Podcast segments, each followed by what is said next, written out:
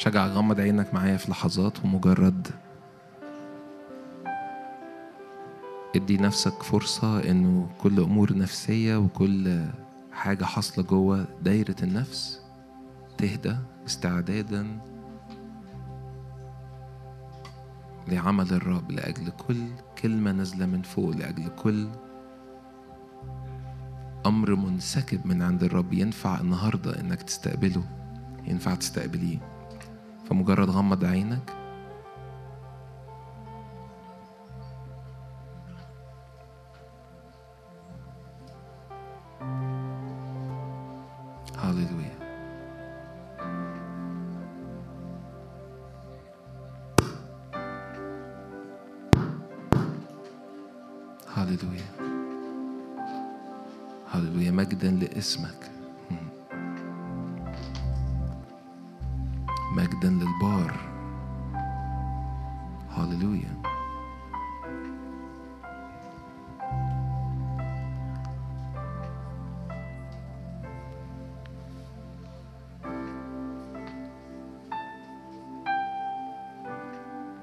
دايما جوايا إنه ما نفقدش ولا لحظة من الوقت اللي فيه بنتراءى أمام وجه الرب.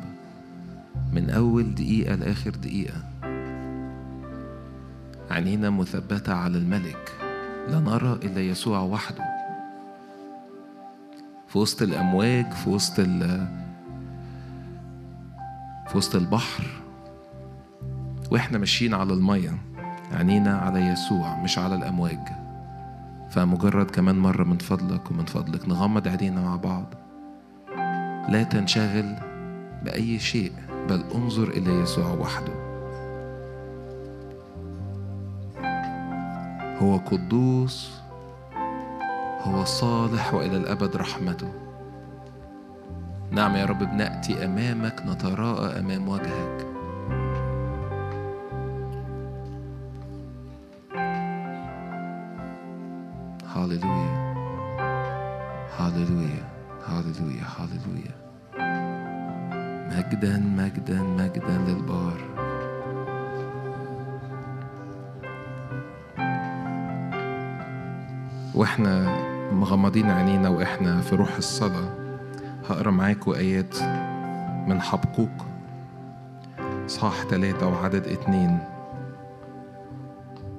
يا رب قد سمعت خبرك فجزعته. يا رب عملك في وسط السنين أحييه في وسط السنين عرف. في الغضب أذكر الرحمة. الله جاء من تيمان والقدوس من جبل فاران. جلاله غطى السماوات والأرض امتلأت من تسبيحه. وكان كلمعان كالنور له من يده شعاع وهناك استطار قدرته. قدامه ذهب الوباء وعند رجليه خرجت الحمى. وقف وقاص الأرض نظر فرجف الأمم ودكت الجبال الدهرية. وخسفت أكام القدم مسالك الأزل له. هاليلويا هاليلويا هاليلويا هللويا.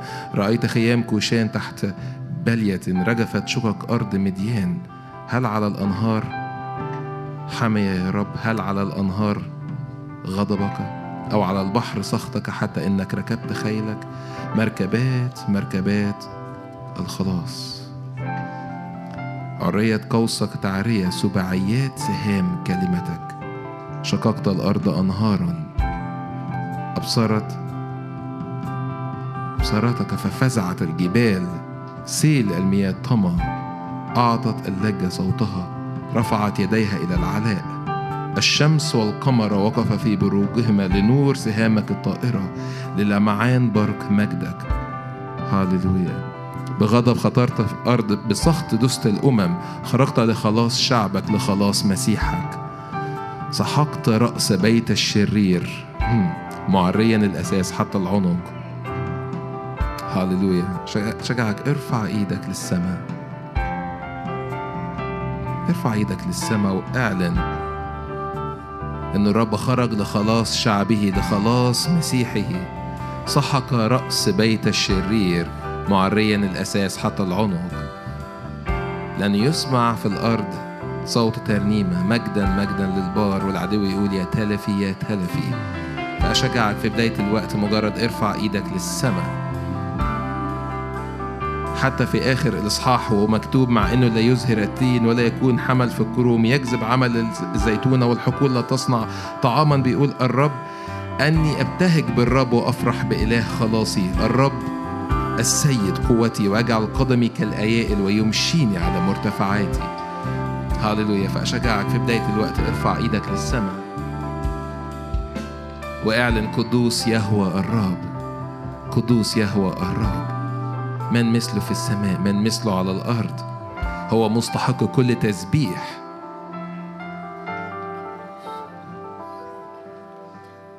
للرب الأرض وملؤها اعلن ده معايا.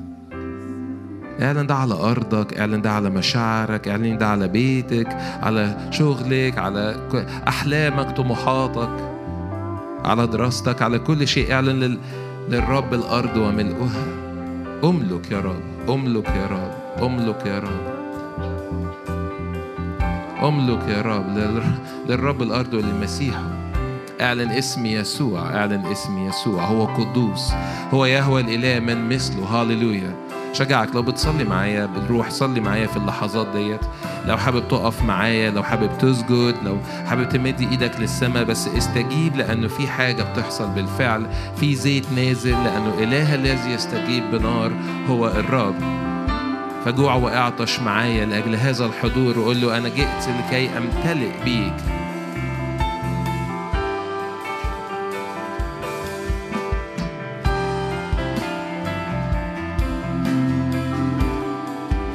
نعلن قدوس يهوى الإله.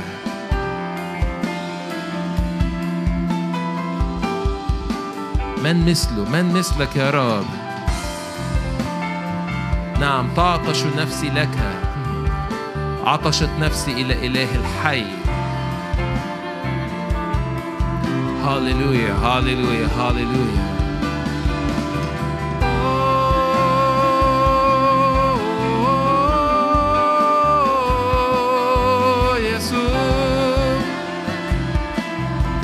يسوع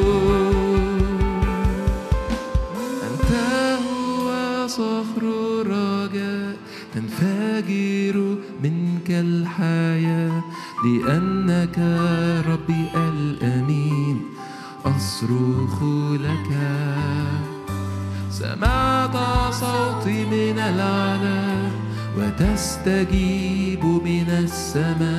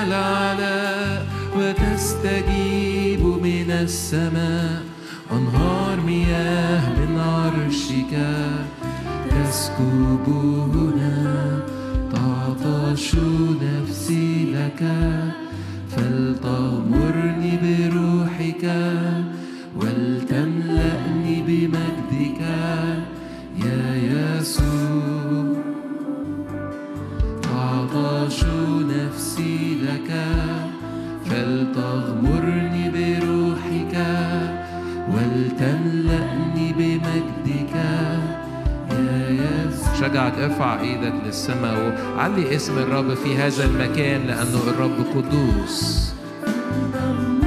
من مثل الرب إلهنا؟ ولتملأني بمجدك. جئت لنا من السماء. جئت لنا من السماء لتعلن عن قمت لأجلنا. صخرة خلاصنا.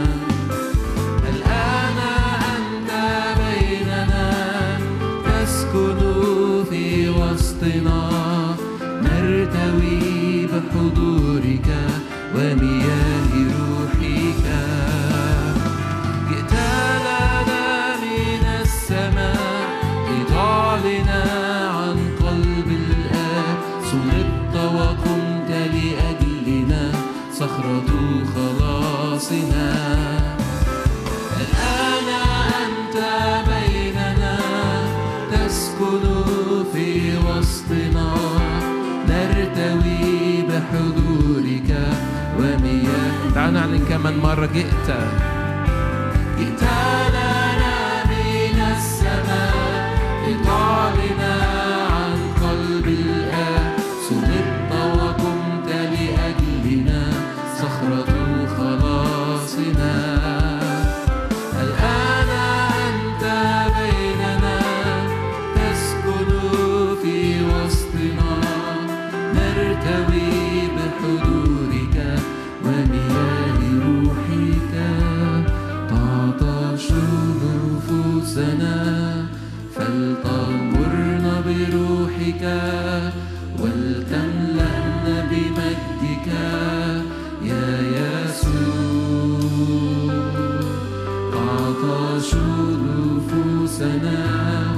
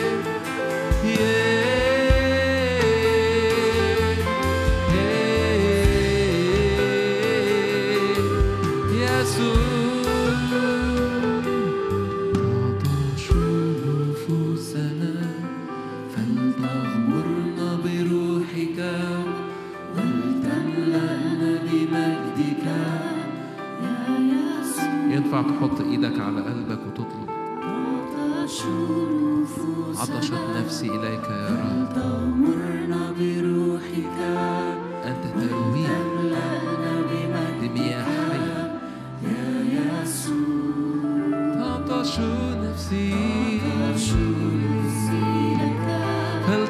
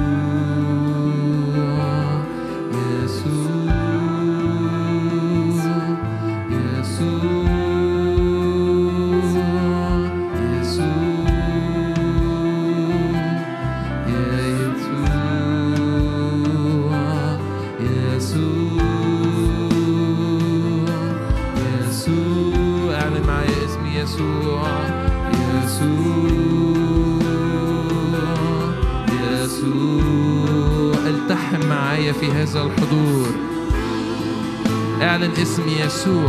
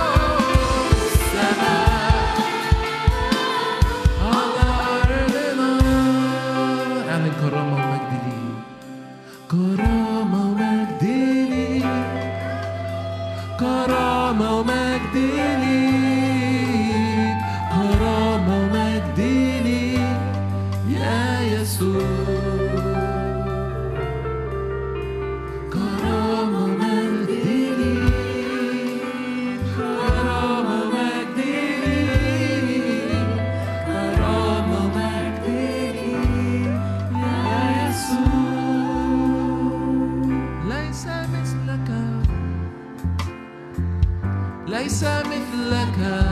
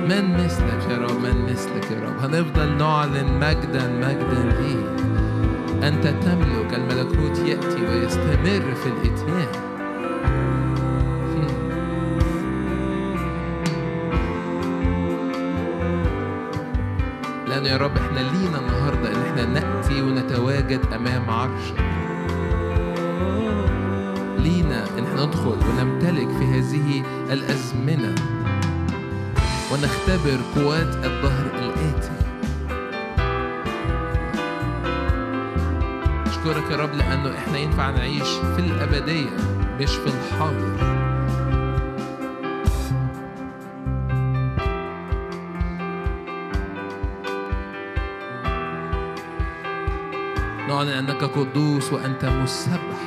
هللويا.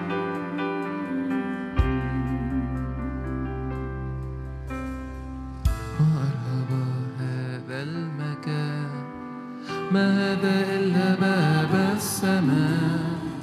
مرحبا.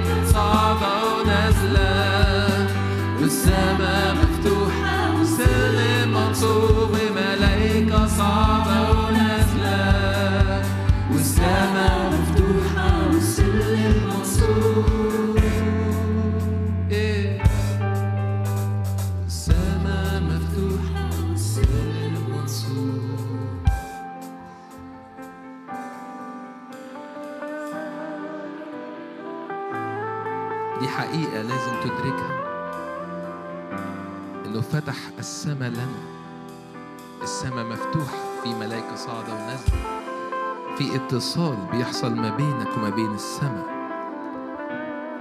انت مش مفصول دي أكذوبة من إبليس. إنك منفصل عن الرب أو مش قادر تسمع صوته النهارده لو ميلت هتسمع صوت الرب.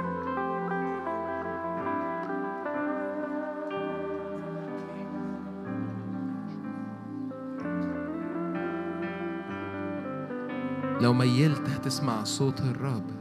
لو ميلت هتسمع صوت الرب فهديك اللحظات دي مجرد صلي معايا بالروح مرة كمان. أؤمن إنه في الأجواء اللي زي كده السماء مفتوحة إحنا بنستقبل حاجة من فوق. فهديك اللحظات الدقيقتين اللي جايين. شجعك والموسيقى شغالة. استقبل من فوق. استقبل من فوق.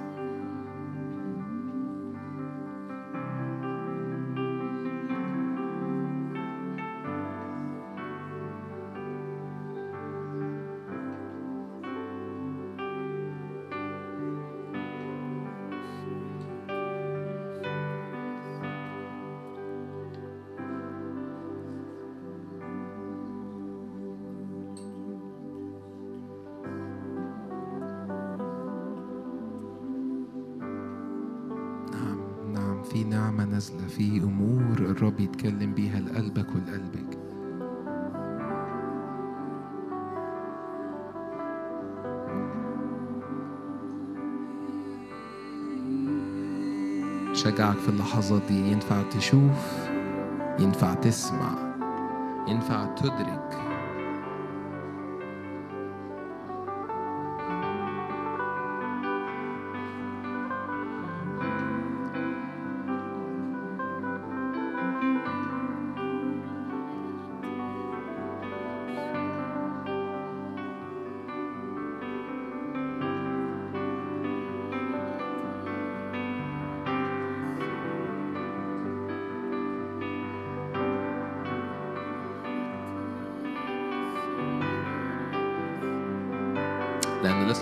لسنا نضارب الهواء لكن في حاجة بالفعل بتحصل في في الروح الآن.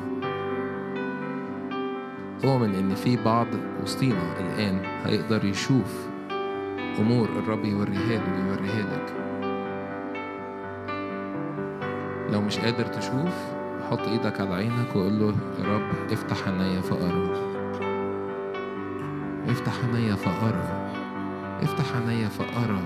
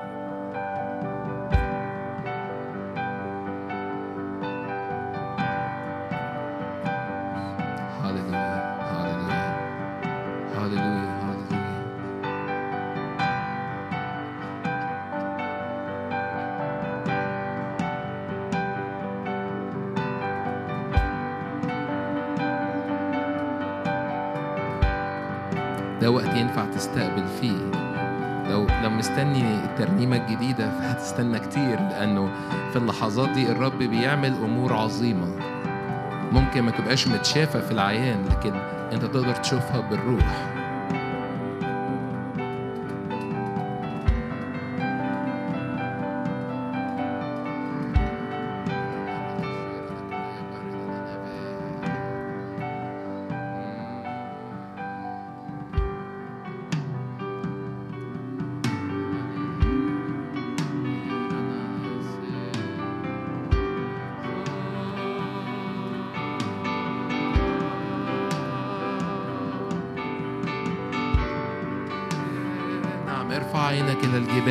عينك إلى الجبال.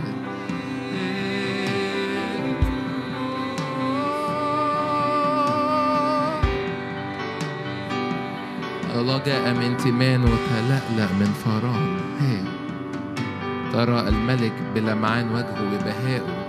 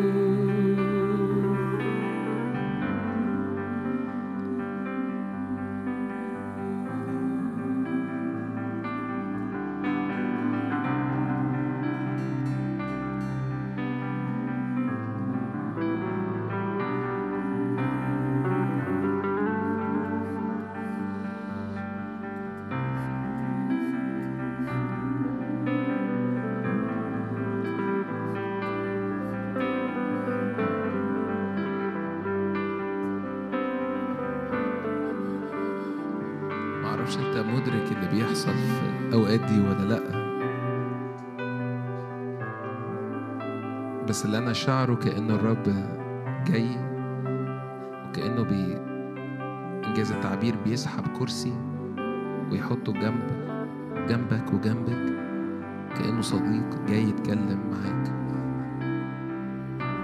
شايف المنظر ده كأن الرب بيسحب كرسي بي بيحطه جنبك عشان يجي يقعد جنبك ويحط إيده عليك. كأنه بيقولك أنا موجود علشانك.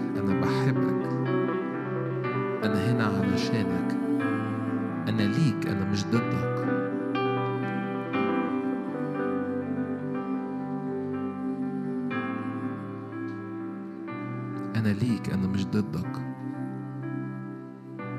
كل تعليم أنت سمعته بيقولك أو بيحسسك بأي حاجة غير إن أنا أقرب صديق ليك. إن أنا الأب الحنون والصديق القريب اللي بيجي يقعد جنبك ويحط إيده عليك. يحط إيده عليكي بيقول لك أنا هنا علشانك أنا موجود لأجلك.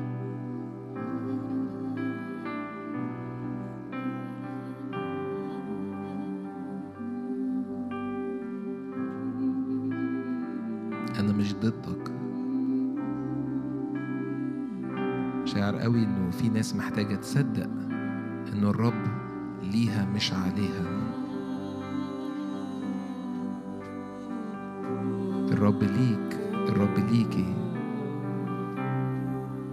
بذل ابنه لأجلنا أجمعين. كيف لا يهبنا معه أيضا كل شيء؟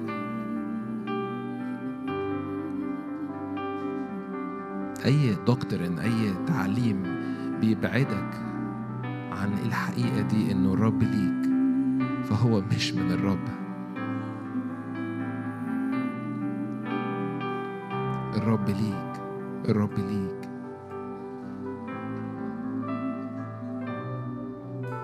فأشجعك في اللحظات الهادية اللي جاية مجرد اسمع كلمة من الرب. لأنه ليس بالخبز وحده تحيا ولكن بكل كلمة هو الرب جاي كأنه بيوشوشها في ودنك. فأشجعك في اللحظات اللي جاية. اسمع كلمة الرب ليك.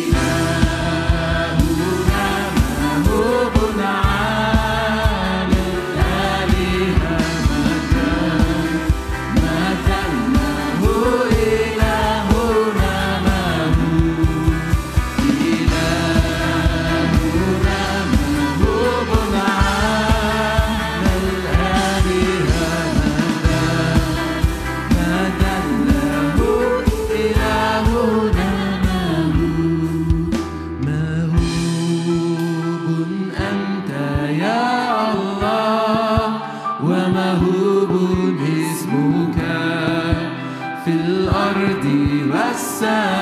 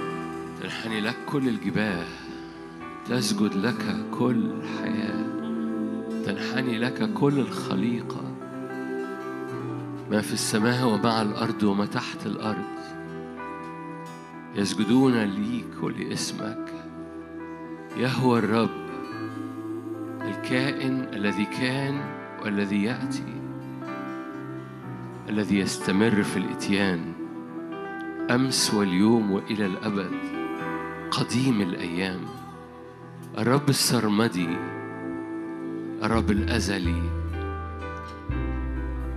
كل الحياة ملكك منك وبك ولك كل الأشياء. بك نحيا بك نتحرك بك نوجد.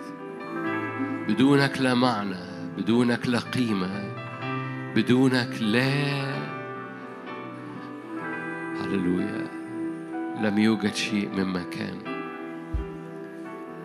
بدونك لا نجاح بدونك لا اختراق بدونك لا مسير بدونك لا طعم. فيك كل حاجة. كل حياتنا بتنحني قدامك. نعترف لك بالفضل والنعمة. نعترف لك بالفضل والنعمة. لولا أن الرب الذي لنا لابتلعونا أحياء. طوبى لنا لأنك أنت إلهنا. يود هي فاف هي بنعلن اسمك يحيط بينا. بنعلن إنك أنت سور النار اللي حوالينا. نعلن مجدك علينا. أنت هو الرب وحدك ليس سواك. بنثبت حياتنا وبنثبت أفكارنا. ذو الرأي الممكن تحفظه سالما سالما. بنثبت أفكارنا وعنينا والمشاهد الداخلية بتاعت قلوبنا على وجهك وعلى اسمك لأنه لا مثل لك لا مثل أعمالك.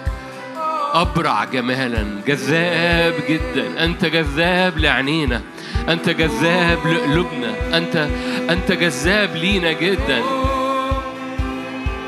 أنت جذاب لينا. وجهك أبرع. نورك أبرع. محبتك أطيب. اسمك أطيب من الخمر. لذلك أحبتك العذاره اسمك دهن مهراق. من مثلك؟ من مثلك؟ يلمس أعمق حتة فينا. لا يوجد إنسان ولا خليقة في السماء والأرض وتحت الأرض تلمس أعماق المياه اللي فينا تلمس معاني الحياة اللي جوانا. لا يوجد مثلك. أنت وحدك. أنت وحدك. فقت كل وصف. فقت كل كلمات.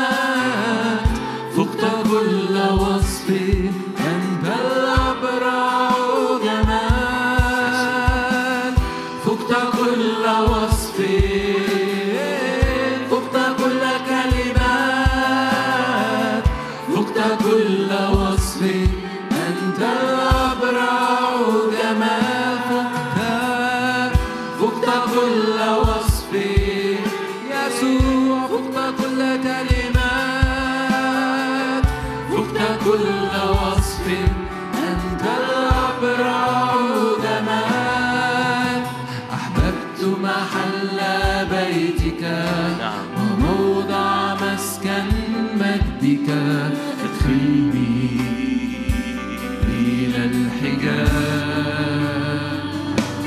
بنميل عليك. أحببت محل بيتك.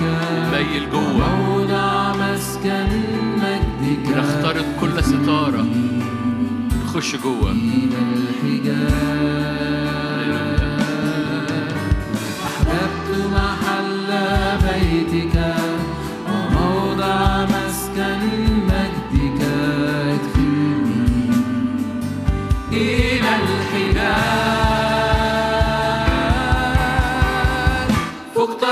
كل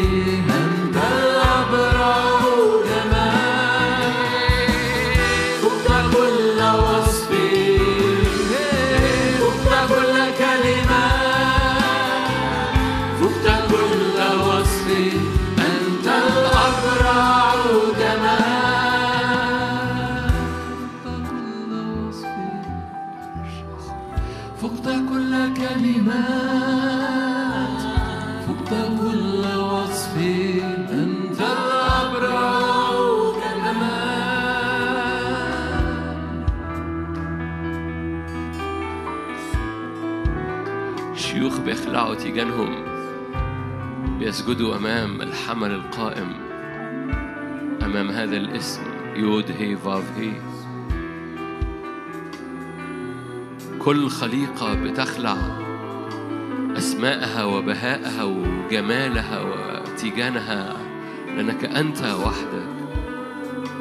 بنتحد مع الخليقة بنتحد مع الملائكة بنتحد مع السمائيين بنتحد مع الشيوخ اللي حوالين العرش لنعلن أنك وحدك. يهوى برار رب الخالق كل الأشياء. يهوى برار منا كل الأشياء.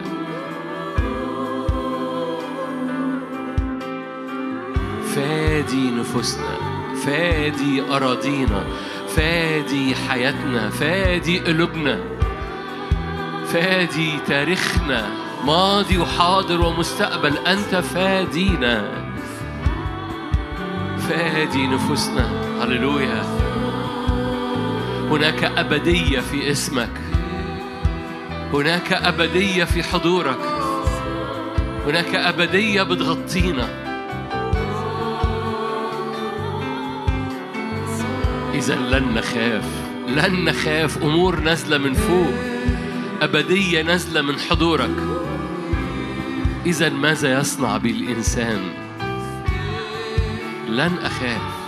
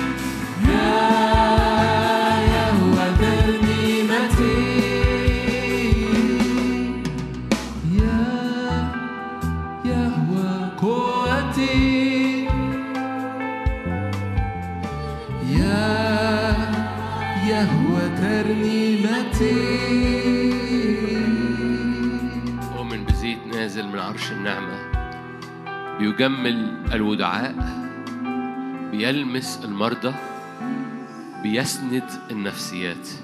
أؤمن بزيت نازل من هذا الاسم من عرش النعمة. يصنع آيات وعجائب. أي أمراض في الظهر أي أمراض في الرئة أي التهابات في الجسد أي إنه كان نوع الالتهاب في الكلى أو في العينين أو في السنان أو في الآذان أيا كان نوع الالتهاب. هناك زيت نازل من عرش النعمة مش بس على المؤتمر في القاعة هنا لكن لمن يستمعوا هناك زيت نازل استقبلوا وضعوا ضعوا استخدموا ضعوا على مكان مرضك. ادهنوه بزيت. فاستقبل هذا الزيت الروحي عمل الروح القدس وضع يدك أنت أنت حضرتك ضعيها على مكان المرض. وادركي ان في زيت من عرش النعمة. هناك عمل من الروح القدس. ضعي ادهني ادهني مكان المرضك. ضعوا على مكان وجعك. لأن الرب يشفي صلاة الإيمان تشفي المريض وإن كان قد فعل خطية تغفر له باسم الرب يسوع. رب يفتدي يفتدي يفتدي يفتدي أراضينا. رب يفتدي يفتدي أنفس. ينفدي يفتدي صحة يفتدي أذهان يفتدي من لعنات أسرية يفتدي من تاريخ دورانات مختلفة. يفتدي يفتدي يفتدي الدم ويفتدي المية. بيفتدي المية والدم لأن خرج من جنبه دم وماء. فرب يفتدي الحياة بتاعتك المية بتاعتك ويفتدي التاريخ بتاعك والدم بتاعك. اعلن رب يفتدي المية بتاعتي والدم بتاعي. الدم ده النسل. الدم ده الجينات الدم ده التاريخ الأسري.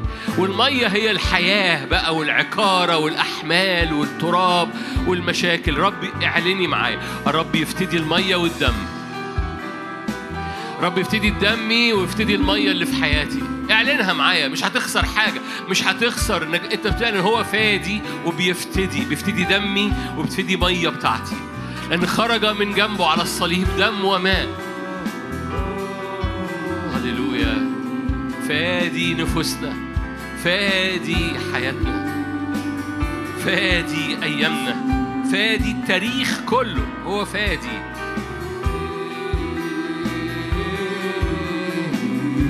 هللويا.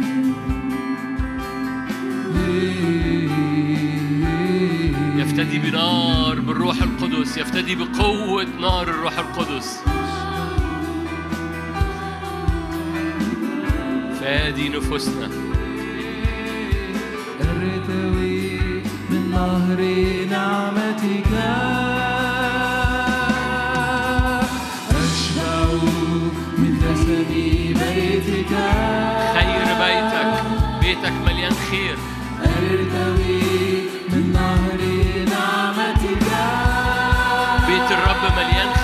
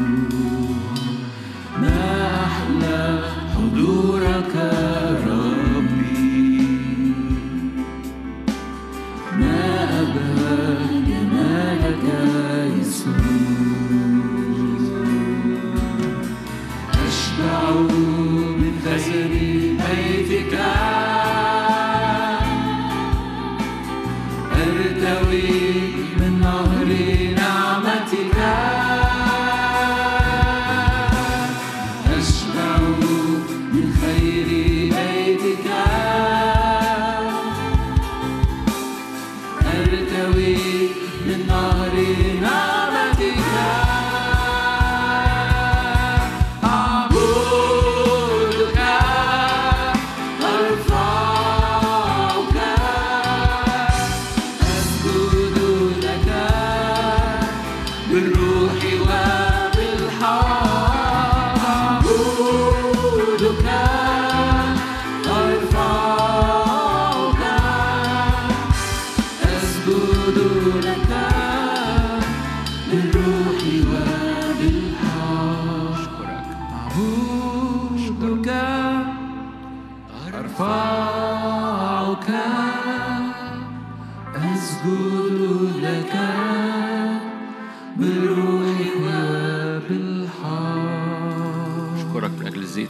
أشكرك من أجل هذا اليوم أشكرك من أجل هذه الأيام أشكرك من أجل ترقيات الروح التي تصنعها على شعبك في هذا الموسم.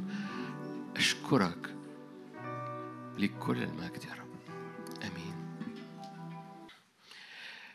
هأعلن إيماني مش هشارك اللي شاركناه امبارح بس أشجعك إنك تحاول إنك تسمعه بعد المؤتمر على النت أو على اليوتيوب. لكن إيماني إنه رب يعمل نقلة وترقية على كنيسته مع نهاية هذا السنة. وضع قلبك من أجل استقبال في هذه الأيام في اليومين النهاردة وبكرة. رب يسكب هذه الترقية وهذه النعمة من أجل شكل وزقاق جديد مختلف من أجل أزمنة مش محتاج أي نبي يقول لك إنه الأزمنة اتغيرت المواجهات اتغيرت ودور الكنيسة مش أكيد إنها تلف مع العالم اللي بيلف. ومش تخاف مع العالم اللي بيخاف لكن دور الكنيسة إنها تقف وتؤثر في اللي بيحصل.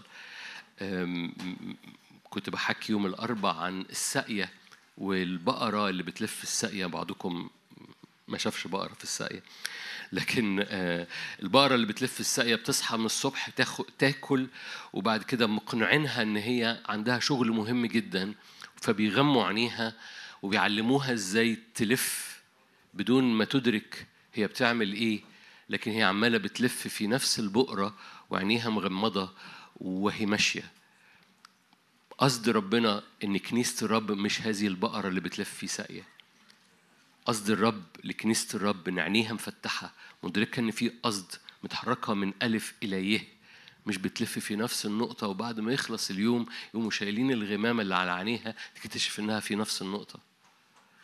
مش قصد الرب إن كنيسة الرب تفضل في نفس النقطة في نفس الحالة بتعمل نفس اللي بتعمله متصورة إنها ممكن ترى نتيجة مختلفة برغم إن اللي هي بتعمله هو اللي بيلففها يوم ورا يوم ورا يوم ورا يوم. فبتصحى تاني يوم وتسيبهم يغمضوا عينيها وتسيب نفسها تلف نفس اللفة متصورة إنها يمكن النهارده توصل لحاجة. لو بعمل في يومي نفس كل اللي بعمله كل يوم لو بصلي نفس اللي أنا بصليه لو شايف نفس اللي أنا شايفه لا تتوقع نتيجة مختلفة. ورب يفتح عينين الكنيسة ورب يفتح ودان الكنيسة عشان تمسح عينيها وتمسح ودانها فيمسح قلبها فتبطل دوران في نفس النقطة.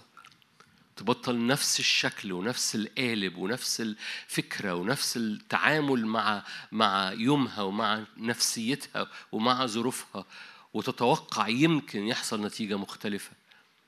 نعم هناك تدخلات من السماء.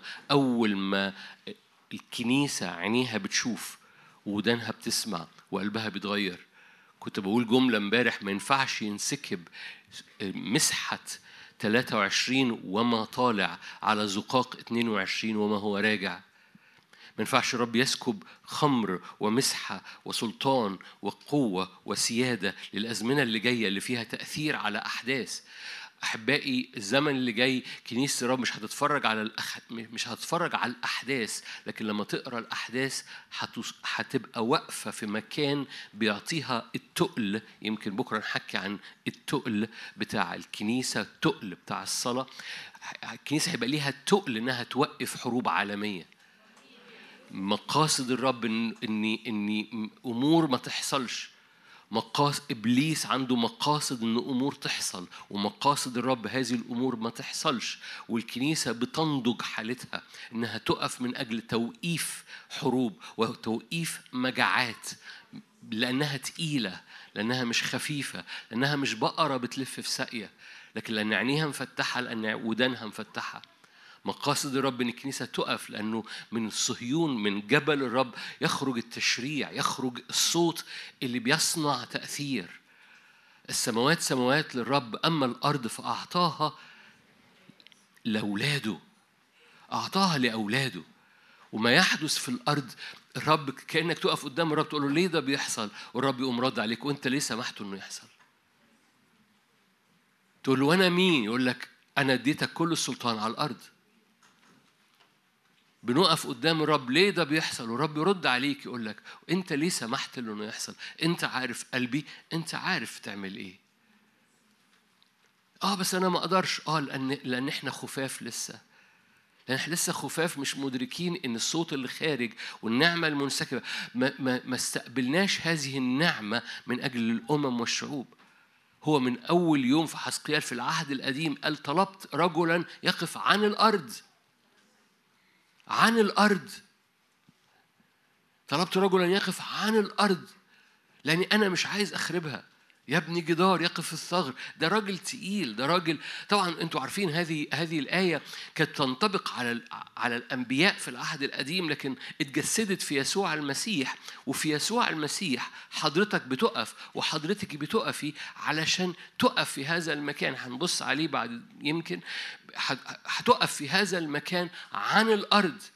وتبني جدار وتقف في الثغر لأن الرب مش عايز يخربها. حكيت معاكم قبل كده كل النهضات اللي كانت بتحصل كانت بتجهض بحروب.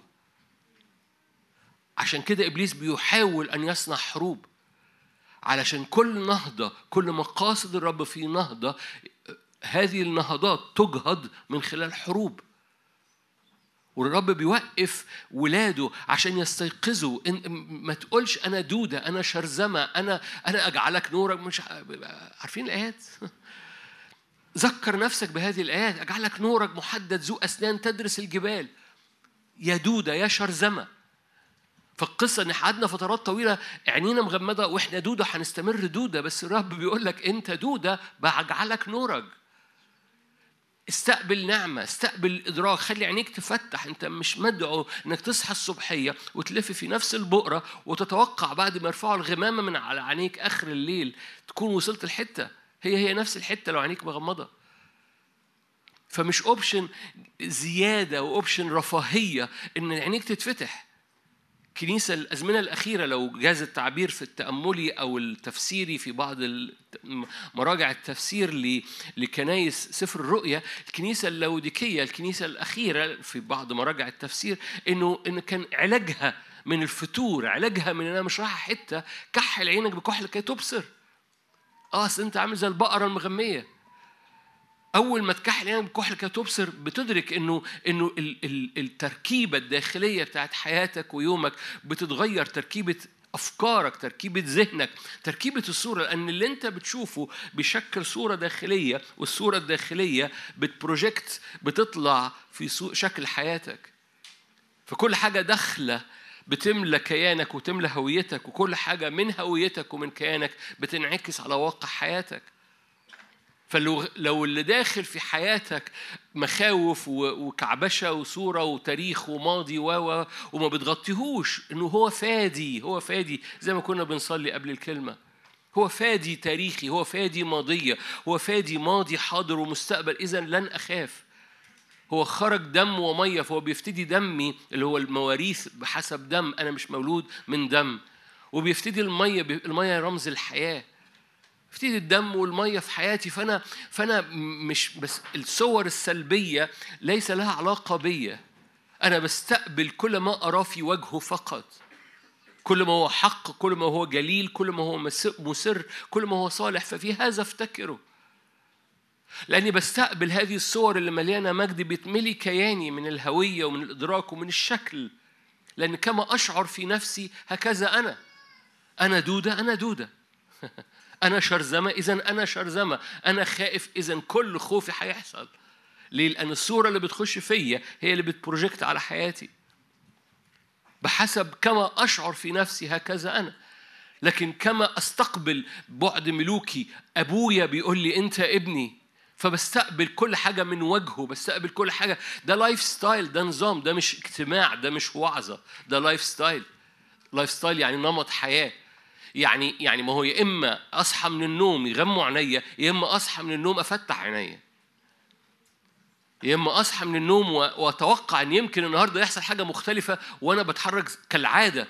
أو أصحى من النوم وعينيا مفتحة. ليه؟ لأنه بحسب ما هو بيقول على حياتي سيكون. اللي بيخش في صوري الداخلية وبيملى الهيكل بتاعي هو اللي بيخرج من الهيكل بتاعي وبيشكل يومي. وأول ما بي ذهني وأفكاري بتبقى ممكنة ذو الراي الممكن اللي هو متثبت في الحضور الإلهي بمسامير كده ممكن يعني مت- متقرط عليه مقفول عليه ذو الراي الممكن تحفظه سالما سالما لأنه عليك متوكل. سفر اشعياء ليه؟ لأنه هو مثبت أشعة 26 لأنه هو مثبت هو هو هو المشهد مليان مجد فالمشهد جوه مليان مجد فاللي خارج من هذا الهيكل مجد. بحسب المشهد اللي قدام عينيك ال- اللي بي- بيغير شكل حياتك فالهوية بتتغير. إنسان بلا كرامة ولا يفهم بيبقى زي البقرة اللي بتلف حوالين الساقية. يشبه البهائم التي تباد، إنسان في كرامة.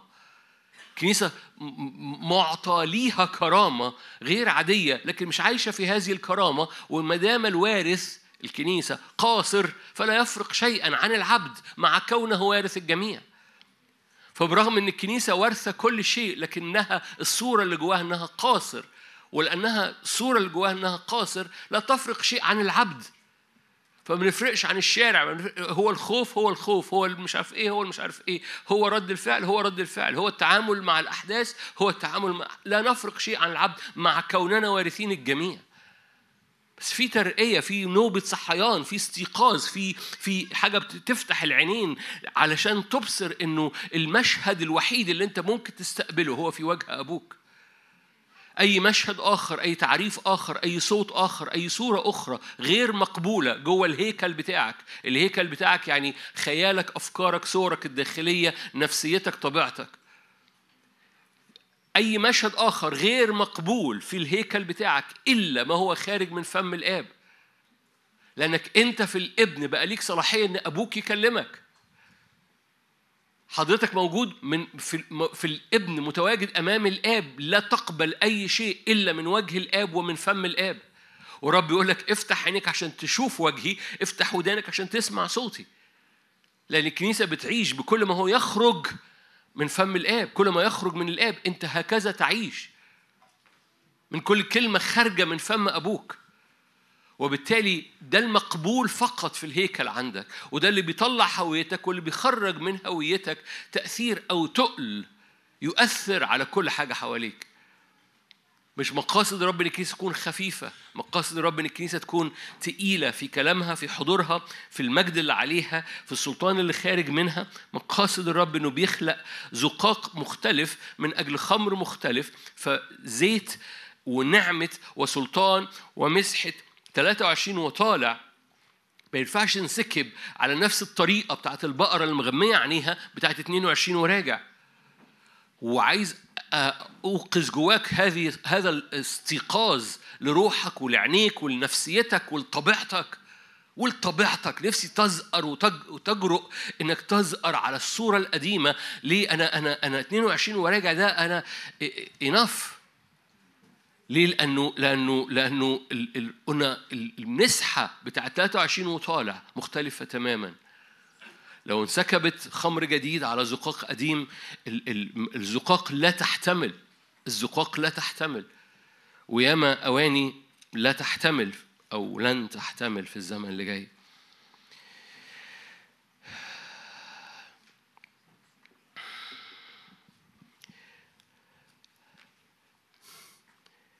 هنخش على الجد. مستعدين تشتغلوا؟ طيب معاك و... أنا أشجعك يكون معاك ورقة وقلم. لو معكش ورقة وقلم اسرق من اللي جنبك.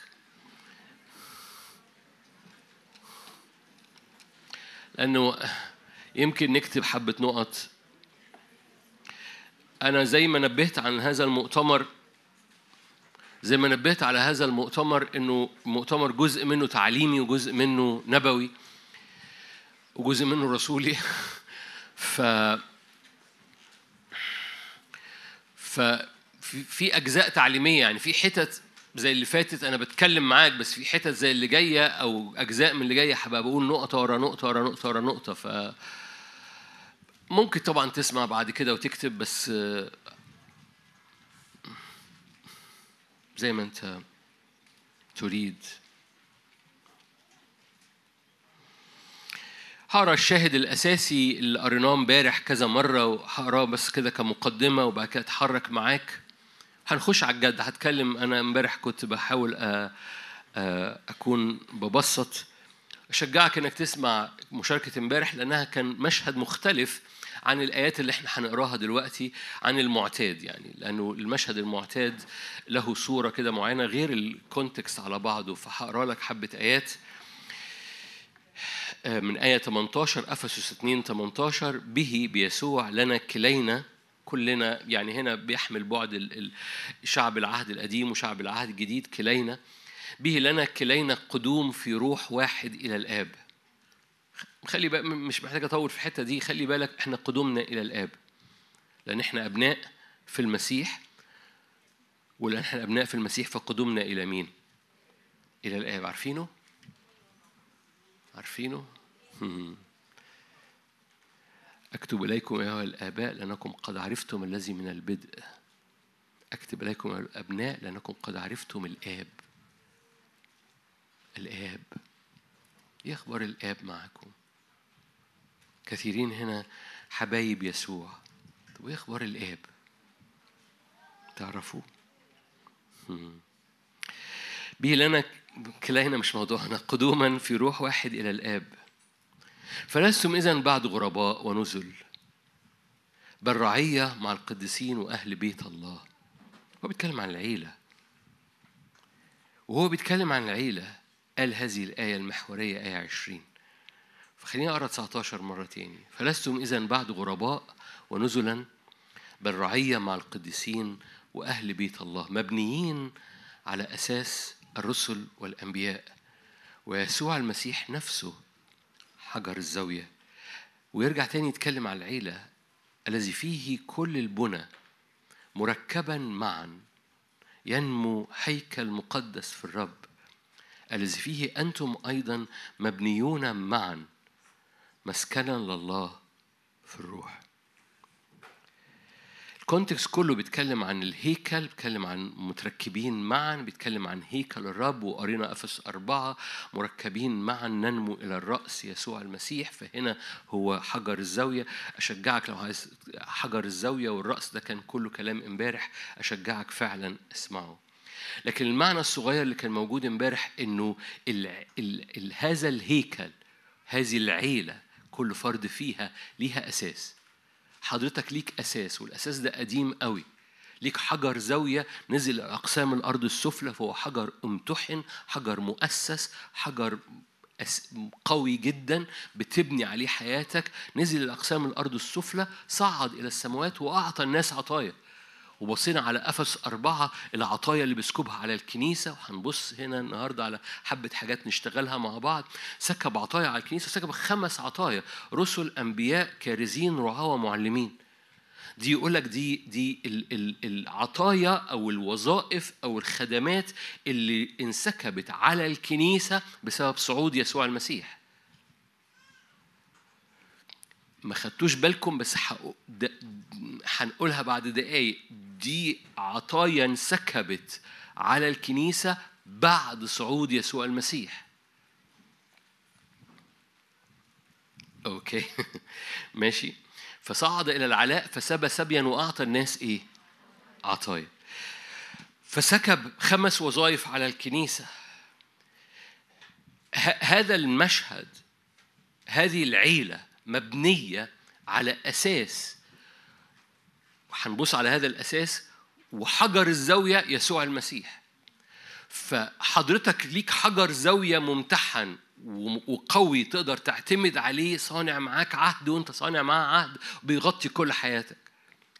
بس مش بس إن فيك حجر ليك حجر زاوية لكن الأرض تحتيك مثبتة على أساس. حكينا إن الأساس إحنا بنبص على رسل وأنبياء فبنفكر في أشخاص.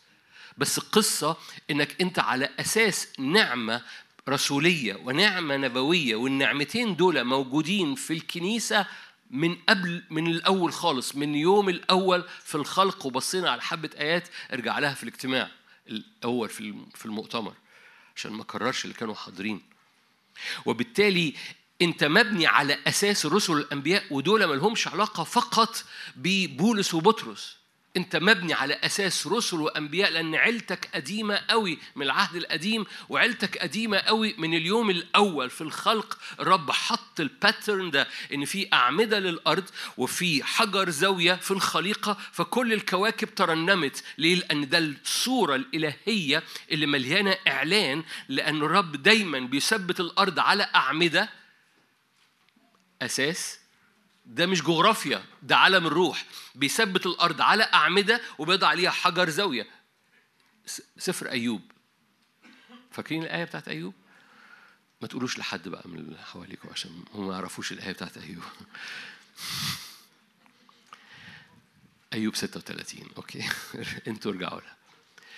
وبالتالي صورة الرب أنت على أساس هذا الأساس مش أساس النهاردة موجود أو اتحط بس لما بقى ظهر واحد اسمه بطرس فبطرس الرسول بطرس no هذا الأساس أنت من عيلة لها أساس وهذا الأساس أساس رسولي ونبوي من اليوم الأول من الخليقة.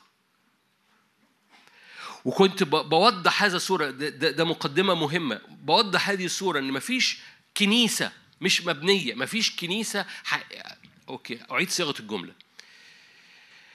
مفيش كنيسة هتعرف تعيش في الزمن اللي جاي مش مدركة إنها مبنية على أساس الرسل والأنبياء. وأنا بجرؤ إن أقول الجملة دي. لأنه النور هيزداد والمعرفة عمالة بتزداد والإعلان عمال بيزداد في العالم العربي بصورة خاصة علشان يدركوا إن هم مش مش بقرة بتلف وهو اجتماعات بتحصل واجتماع الحد ومش عارف إيه وخلاص وهو ده اللي بنا... هي دي الكنيسة. ال- ال- الكنيسة مبنية على أساس وديعة موجودة جواها من زمان مش ما ابتدتش مع بطرس صدقوني.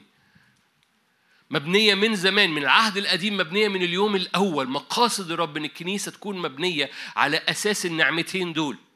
وأنا مش بتكلم على أفراد أو وظيفة معينة بتكلم عن نعمة ماشية خارجة إن في أعمدة مثبتة رجليك وفي حجر زاوية مغطي راسك وأنت متس- مترتب لأن لك ترتيب فلك سلطان. مرتب تحت سلطان لك سلطان. فمبدئيا كده حضرتك ليك أساس. ليك حجر زاوية وليك أساس. والأساس ده أساس في العيلة بتاعتك والعيلة بتاعتك أهل رعية بيت الله وهذه العيلة ليها أساس ليها جذور ضربة مثبتة والخليقة متثبتة عليها اسمها أعمدة الأرض اللي هي هنا هو أساس الرسل والأنبياء ويسوع. شايفين الآية؟ مبنيين ومتركبين معا ننمو إلى ذلك الرأس أفس 2 وأفس 4 هو ده اللي بيعمل نمو هو اللي حتى نصل إلى إنسان كامل إلى قياس قامة ملء المسيح. ليه هذه الآيات؟ على ما أنا بحكي معاكم النهاردة. وراكم حاجة؟ طيب. ليه ليه هذه الآيات بالنسبة لنا آيات طايرة في الهواء إنسان كامل.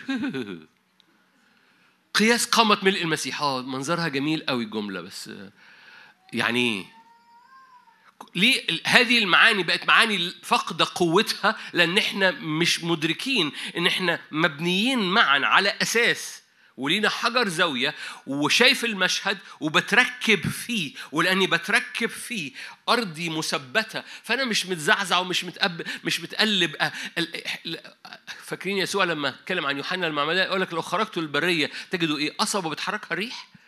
واحد رجليه مهزوزة؟ no no no no نبي وأعظم. من نبي لأن يوحنا يوحنا المعمدان كان الحقبة المتوسطة ما بين الأنبياء والرسل. هو نبي بل أعظم من نبي. هو مرسل أمام وجهي فهو نبي وبيتنقل لل- للنعمة الرسولية. بعد كده يقول لك الأصغر في الملكوت ليه؟ لأنه في حاجة الإعلان مش براه، ال- الإدراك بتاعه مش براه، يوحنا كان مليان إعلان. آه هذا هو حمل الله ده إعلان، بس الإعلان كان براه هو حاجة حاجة عليه، روح الرب عليه، روح إيليا جه عليه، لكن في العهد الجديد حضرتك روح إيليا بيجي فيك. فالأصغر في الملكوت أعظم من يوحنا لأن الإعلان بقى جواك. لأن الروح بقى ساكن فيك ولا يفارق ماكس معكم أنا بتكلم بسرعة عليكم. أنا العربي مش سريع بس أنا بتكلم بسرعة عليكم برضو. محتاج تدرك شوية إنه إنه جاء وقت تتنفض للإدراك لأن ال- الكنيسة اللي هتعيش وتخترق في الزمن اللي جاي هي كنيسة مدركة إن ليها أساسات وهذه الأساسات مش مش مش فلان بقى رسول مش هي دي القصة. القصة إن العيلة دي أهل بيت رعية بيت مركب معا ننمو إلى الرأس فننتهي إلى وحدانية الإيمان إلى إنسان كامل إلى قياس قامة ملء المسيح. ليه؟ لأن الفبريكة دي أو التركيبة دي أو الليجو ده لما بتركب حسب صورة ربنا بيعرف الرب يقوم مغير لأن الزقاق بقى اتغير مترتب بحسب كلمة الرب. فدي السبل القديمة ده الاجتماع بتاع امبارح. فلما بتركب بحسب قلب الرب الرب يعرف يسكب عليه النعمة اللي تطلع إنسان كامل. اللي تطلع قياس قامة ملء المسيح اللي بتطلع ناس مش قصبة بتحركها الريح. النهارده مش عارف إيه بقى إيه النهارده إيه النهارده الدولار بكام؟ فمش مش مش كنيسة عايشة بحسب البورصة. ولا أعني البورصة المادية أعني بورصة العالم النهاردة مش عارف إيه. لكن كنيسة عايشة بحسب كل كلمة خارجة من فم أبوها. وكل صورة هي شايفاها كل صوت هي سمعاه فكنيسة رجليها مثبتة لأنها مبنية على أساسات وليها حجر زاوية ما أعرفش ليه ما فكرتش طيب طب لما الرب لما صعد في افس أربعة يقول لك أعطى الناس عطايا فأعطى رسل وأنبياء حلو قوي. طب ما أعطى كارزين ما كارزين حلوين ودمهم خفيف. وحلوين وبيجيبوا ناس للرب.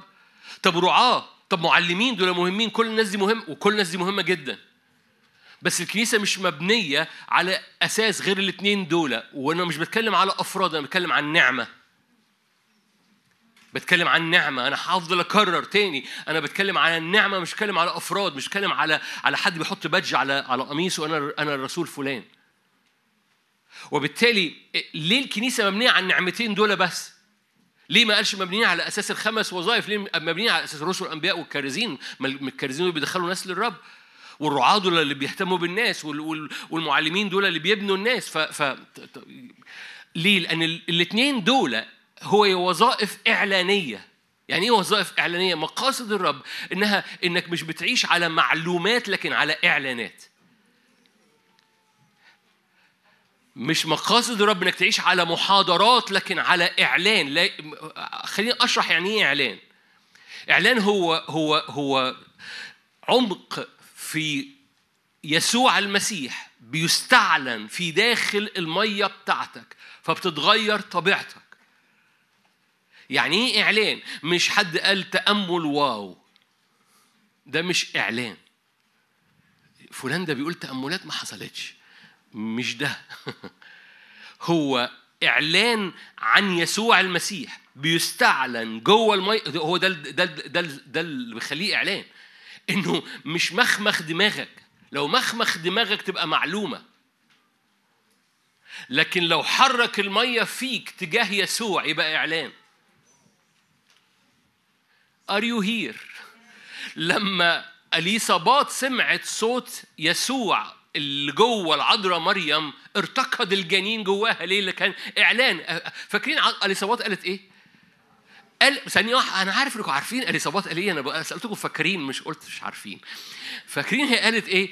قالت تعبير يجنن لأي واحد يهودي. أم ربي. صباح الخير.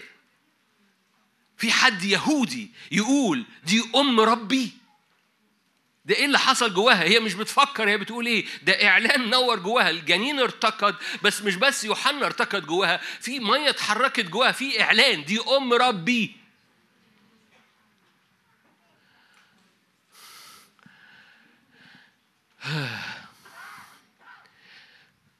الكنيسة بتعيش ليه ليه مبنية على أساس النعمتين دول؟ ومش بتكلم على أفراد مبنية على أساس النعمتين دول. لأن القصة الكنيسة لا تبنى بفلسفة ذهنية لكن بتبنى بقوة قوة إعلانية. القصة مش دماغ لأن لو قصة دماغ فهي معرفة الخير والشر. تقولي الحق مهم أقول لك التعليم مهم جدا. التعليم مهم جدا بس التعليم بيثبت الإعلان. التعليم مش هو اللي الكنيسة بتتبني على أساسه. مم. أنا عارف أنا دايس على زراير معينة. لو تعليم بدون إعلان بيطلع مؤمن جسدي.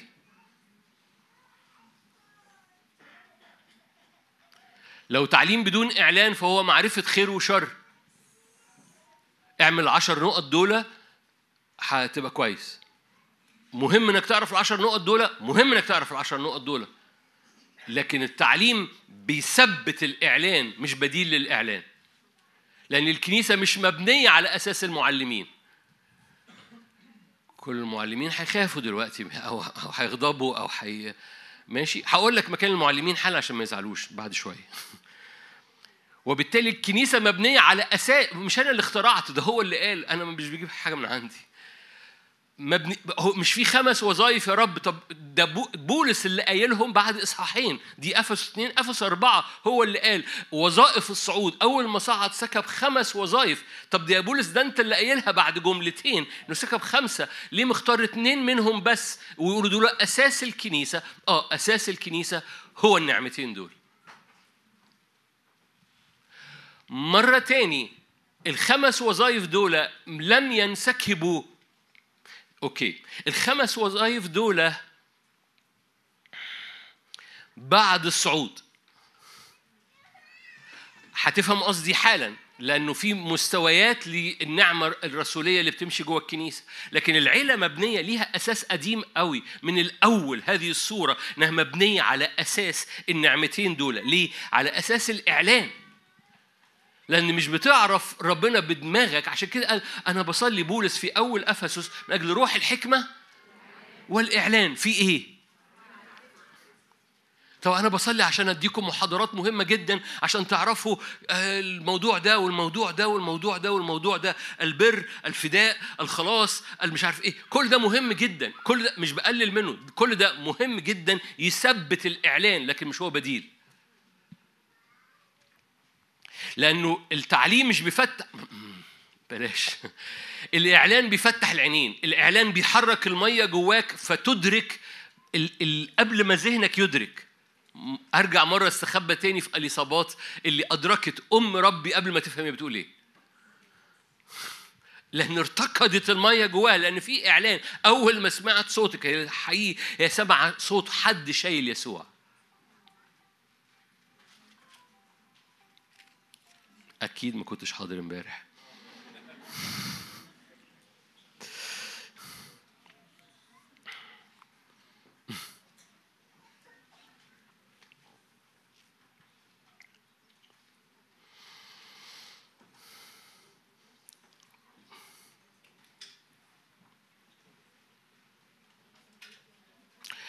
أقول لكم مثل يمكن يقرب الصورة. أنا أنا هاخد راحتي.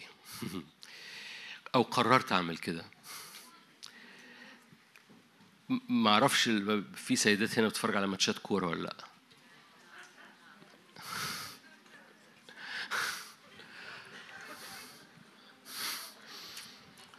الرجالة مش هقول حاجة ما تعرفوهاش حتى السيدات. ممكن فريق يبقى ماسك الكورة طول الماتش ما يجيبش ولا جون. وممكن فريق تاني ما يبقاش ماسك الكورة ويجيب اجوان ويخرج كسبان. الاستحواذ على الكورة مش بي... مش بالضرورة نجاح.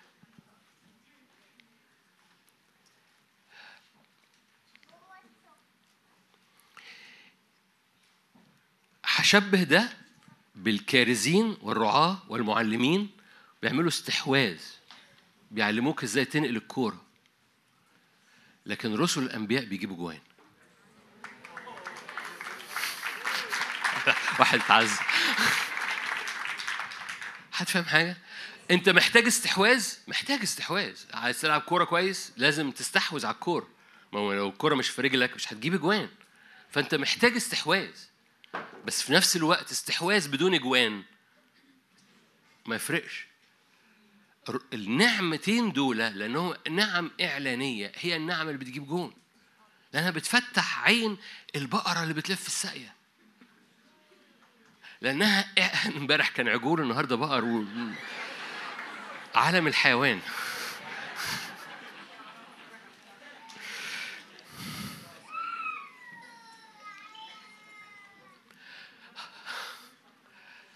بصوا لو القصة أنا بستعمل كلمة فلسفة ولا أعني كلمة فلسفة بصورة إيجابية أعني في كلمة فلسفة بصورة سلبية اللي هو حد بيت... عارفين الكتاب المقدس اتكلم على كلمة فلسفة؟ عارفين إن الرسل كانوا بيكرهوا الفلسفة؟ عارفين إنه أفلاطون و... و... وسقراط والحاجات دي طلعت هرطقات حتى بعد المسيحية؟ كلوسي في آية. هم. أنا عارف إني بدخل رجليا في حتت. كلوسي اتنين. انظروا ألا يكون أحد يسبيكم بالفلسفة.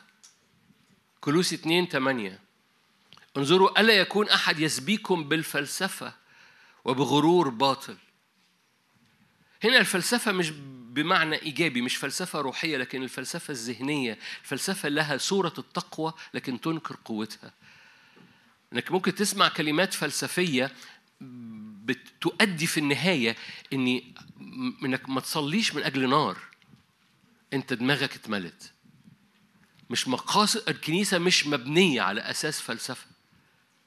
لو الكنيسة نهايتها فلسفة ما كانش في كان كان فقط يسوع اتصلب وقام. ليه؟ طلع فلسفة اسمها الفدا والتبرير وال وال والخليقة الجديدة. طلع هذه الفلسفة. لكن الكنيسة ما اتولدتش بصعود يسوع الكنيسة اتولدت بسكيب الروح القدس الإعلان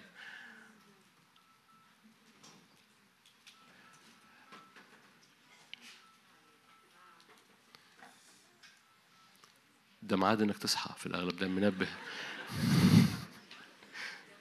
بس دي مش رن التليفون ده المنبه بتاع الصبح.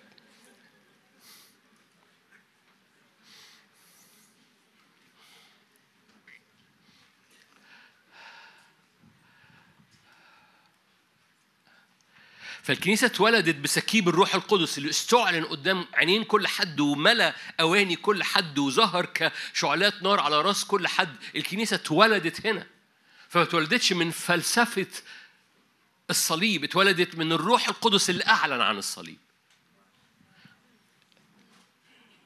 فالتعليم بيثبت الإعلان الحق بيثبت الإعلان لكن الإعلان هو الأساس بتاع الكنيسة وهو ده الرسل والأنبياء. ليه؟ لأنه ممكن يبقى لينا صورة التقوى لكن ننكر قوتها. ممكن يكون بنأكل من شجرة معرفة الخير والشر. بولس الرسول قال لم آتي لكم بكلام الحكمة البشرية المقنع لكن أتيت لكم ببرهان بالإعلان ببرهان الروح القدس والقوة. هو دي دي ده, ده دي الخدمة الرسولية. مرة تاني أنا مش بتكلم على أفراد أنا بتكلم على حضرتك إن ليك في العيلة بتاعة الرب أساس وجاء الوقت إن عينيك تتفتح من التغبية اللي متغمية عينيك فيها وبتلف في نفس النقطة. نو no, أنا ليا أساس والأساس ده أساس مليان إعلان والإعلان ده جاي من نعمتين بيتحركوا في كل العيلة. في كل العيلة لو يا ريت تسمعني. في كل العيلة النعمتين دول. اسمها نعمة رسولية ونعمة نبوية. وهشرح لك هما الاثنين النهاردة. فإحنا قاعدين مع بعض. ففي نعمتين بيتحركوا دول الأساس بتاعك. لكل حد مبنيين متركبين معا ننمو إلى ذلك الرأس حتى نصل إلى إنسان كامل إلى قياس قامه ملء المسيح. فهو القصة بقى بقتش بدور في نفس الحتة. القصة اللي متركب صح. ففي خطورة في خطورة إنه إنه إنه مجرد تسمع فلسفة بتعمل تسطيح للكلمة تاخد أمور عميقة وتسطحها. المسيح فيكم. ده ده ده دي ده دي نقاط نقاط. المسيح فيكم جاي لأن كذا والمسيح فيكم لأنه كذا فالمسيح فيكم كذا. بس. المسيح فيكم ده إعلان والمسيح فيكم ده كل ما يبقى إعلان بيعمال بيخبط فيك بيخبط فيك بيرتقد الجنين جواك لغاية لما يستعلن المسيح فيكم. لأن يعني القصة مش معلومة إن المسيح فيك، مش معلومة إنك هيكل لله، وس... آه أنت هيكل الله يعني ما تركزش قوي أنت هيكل الله. لا أنت هيكل الله، أنت قدس أقداس، أنت مكان حضور الرب، أنت السماء بتلمس الأرض، في حاجة بترتقد جواك ولما عينيك تتفتح عليها، بص حتى إنك سمعتني دلوقتي مش القصة، لو القصة يبقى إعلانية جواك، أنا هيكل الله، أنا نقطة التقاء السماء بالأرض، وتقف وتخلي المايه تتحرك، هنا أنت في العيلة. خليني أقول لك جملة بايخة. هنا أنت ابن. وهرجع لها بعد دقايق لأن النبوة الأنبياء أبناء. لأن الأبناء بيتولدوا من كلمة. الأنبياء بيسمعوا صوت والصوت ده هو صوت الآب. وصوت الآب بيطلع أبناء.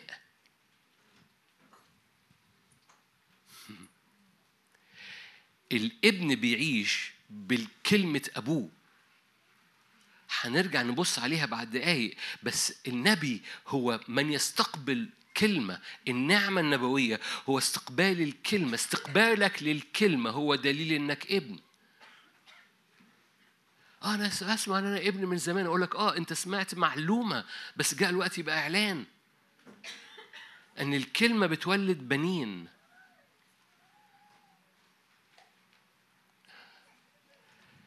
هنرجع لها حالا. ما ما توقفوش قدامي كده. أنا كل ده عمال بعمل إيه؟ بقول لك إنه أه- okay إحنا رحنا كلوسي افسس 2 مرة تاني افسس 2 20 إن حضرتك من عيلة أهل رعية أهل بيت مبنيين معا وليك أساس والأساس ده نعمتين ماشيين بيثبتوا رجليك وليك حجر زاوية بيغطي ده اجتماع امبارح حجر زاوية اللي بيغطي كل حياتك فلا تخاف. ولأنك ليك نعمتين مت- مبني على أساسهم محتاج إنك تبقى مدرك أنت واقف على إيه. على أساس النعمتين دول. ما أظنش إن أو يعني مش مهم بلاش الجملة اللي, كنت هقولها مش هقولها. لما بتكلم عن رسل الآية قدام عينيك مبنية على أساس الرسل والأنبياء. إيه المشكلة في الآية دي؟ أو إيه اللي خلانا بنصارع مع هذه الآية؟ هتكلم النهارده وب- وبالليل. وبعد كده نخش على ال ال الأنبياء الكذبة والرسل المزيفين بكرة. والحروب اللي بيمر بيها النعمتين دول ونختم بمسحة بكرة. كده عرفتوا الخريطة بتاعت النهارده وبكرة. آه، أصلا ربنا غير كل الخريطة النهارده الصبحيه معايا. آم، إيه المشكلة في الآية دي؟ المشكلة في الآية دي لما بنقراها بنبص على الناس. مبنيين على أساس الرسل فبتترجم جوانا بطرس الرسل ال 12 رسول ترلان تنتين كده أهو. بعد كده الأنبياء طبعا نحتاس ولما تقروا كتب التفسير تقعوا على بطنكم من كتر الضحك. كتب تفسير مصممة أنتوا مبنيين على أساس أشعية وأرمية وكل الأنبياء وأشعية تنبأ عن يسوع. عشان كده أنتوا مبنيين الكنيسة في العهد الجديد مبنية على أشعية. ماشي؟ وبعد كده يأتي كتب تانية يقول لك إحنا مبنيين على أساس الأنبياء بتوع العهد الجديد. كده إيه الأنبياء بتوع العهد الجديد؟ لأن هو بيدور على الأشخاص برضو مش بيدور على النعمة هو بيدور على الأشخاص فيحتاس. فيقول لك أصل أصل بولس كان نبي بس ما كانش ما كانش واخد باله. هو بولس كان في بعد نبوي طبعا لكن لكن بس هو أنتوا بولس في الرسل ولا بولس في الأنبياء؟ لو بولس في الاثنين مش محتاجين نقولها مبنية على أساس بولس وخلاص. عارف ليه بالنسبة لهم مبنية على أساس بولس؟ لأن بيتعلموا كتب اسمها لاهوت بولس. لاهوت بولس في العهد الجديد. ده كتب بتنزل كده download لازم تعدي عليه وتاخده تشربه وتمتحن فيه. لاهوت بولس فلاهوت بولس هو هو بولس هو اللاهوت. بولس هو محاضرات اللاهوت. وفي واحد اسمه ملء اللاهوت جسديا ما بيدرسوهوش. حد فاهم حاجة؟ عارفين ملء اللاهوت جسديا ده؟ ده إعلان. ده ده مش معلومة ده إعلان. إن ده ملء اللاهوت جسديا اللي منه كل حاجة هو هو متلخص فيه كل اللاهوت. بس ده إعلان مش معلومة. ربنا يجعل كلامنا خفيف. آمين. أنت بتصلي لي أنا عارف.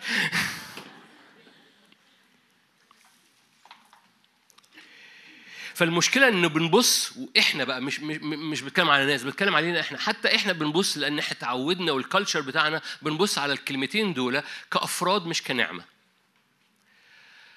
بس خلينا هخش معاك لأن أنا عارف الناس كتيرة جاية عايزة تتكلم عن الوظيفة وعايزة تسمع عن الوظيفة لأن ما بيتسمعش عن وظيفة الرسول كتير قوي في في العالم العربي أو لو بيتسمع يمكن ايا كان أنا ما سمعتش حد بيتكلم فما أعرفش تسمعوا لمين. لكن هنبص من كتاب مقدس على حبة حاجات وخليني أقول إنه الرسل اللي في الكنيسة النهارده لأن معظم الناس تقول ما فيش حاجة اسمها رسل في الكنيسة النهارده. الرسل في الكنيسة النهارده مش الرسل اللي موجودين في كتاب مقدس.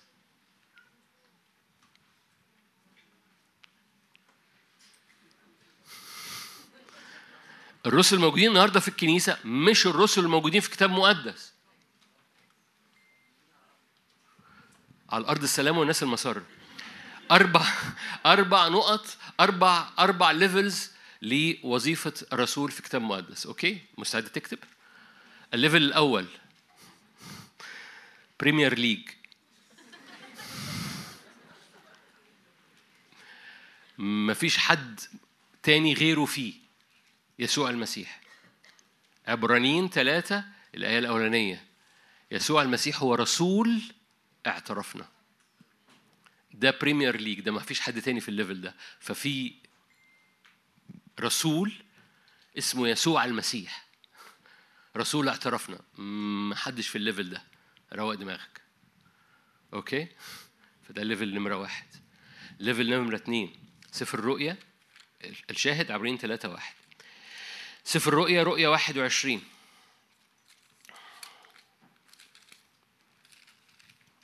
رؤيا واحد وعشرين. آية 14 سور المدينة كان له 12 أساس. وعليها أسماء رسل الخروف ال 12 ده ال level نمرة اتنين. ده رسل الخروف اللي أسمائهم مكتوبة على أساسات المدينة. ده ال level لوحده. محدش بيقرب منه. ملحوظة ده level قبل الصعود. فده ملوش دعوة صعد إلى العلاء وسبى سبيا وأعطى البعض أن يكونوا رسلا. لأن هيحصل لو رحت قلت قلت لحد أنا كنت في مؤتمر بيقول اسمه أساسات رسل لك ما فيش حاجة اسمها رسل يا عم دول ده أنت هتكبر ده كبرية أنت فاكر نفسك بطرس؟ لا بطرس ده في حتة تانية آه. لكن لما أعطى البعض أن يكونوا رسلا ده بعد ما صعد إلى العلاء. بولس كان بطرس كان رسول قبل ما صعد إلى العلاء. أوكي؟ okay. ال level نمرة ثلاثة أفسس ثلاثة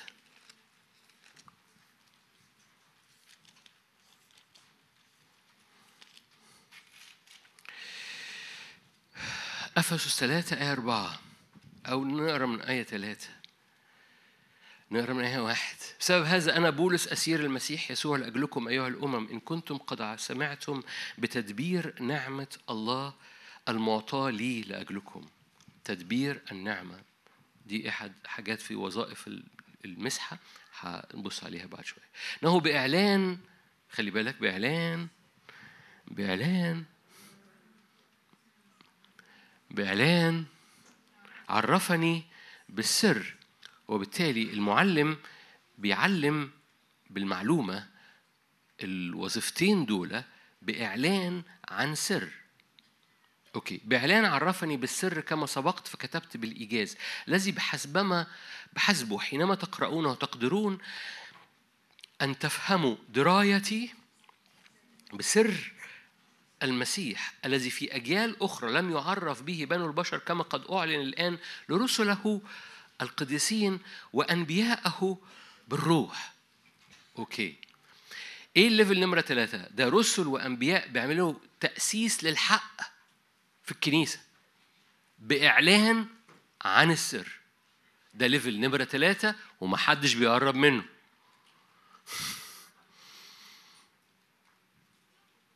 ففي level نمرة ثلاثة اسمه تأسيس الحق بإعلان بسر يسوع المسيح هل محتاجين تأسيس للحق أكتر من اللي مكتوب في الكتاب المقدس؟ no no. وبالتالي level بولس و level. كل الرسل الموجودين في الكتاب المقدس عارفين في رسل كتيرة موجودة في الكتاب المقدس okay مش في ولا واحد ولا اتنين. طبعا ولا واحد دي مفهومة ولا حتى اتنين. في رسل كتير روميا 16 اكتبها شاهد عندك بس كده صغير. روميا 16 في اتنين كده لزاز. وبالمناسبة من غير من فضلكم ما نخش في الحتة دي منهم واحدة ست. ما خدتوش بالكم بس مش مشكلة. روميا 16 سبعة.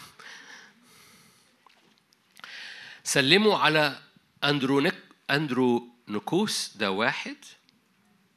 والكلمة الثانية مترجمة يونياس بس هي في الأصل يونيا ودي واحدة.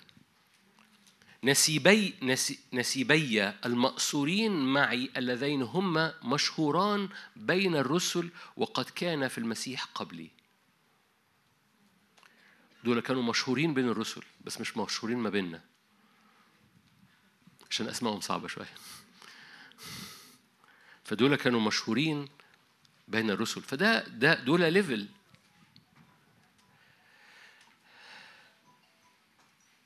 level نمرة أربعة هو أفسس أربعة. ده level جوه الكنيسة.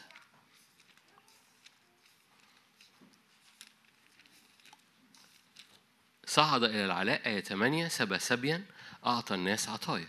دي يسموها البعض الدارسين أو الشراح دي خدمات أو وظائف أو هبات الصعود اللي جت بعد الصعود. أو انسكبت على الكنيسة عشان هو سبى سبي دي كانت موجودة جوه الكنيسة واتثبت فهو سبى السبي. أساس الرسل والأنبياء موجود في الكنيسة قبل بطرس. عشان كده عمال برجع أقول لك أنت مبني في عيلة ليها أساس والأساس ده قديم قوي أنت عارف إن عيلتك قديمة قوي عارفين عيلتك لغاية لمين؟ قبل يسوع كمان. لإبراهيم. عيلتك راجعة لإبراهيم. وبركة إبراهيم بقت ليك في المسيح يسوع. بس عيلتك راجعة لإبراهيم.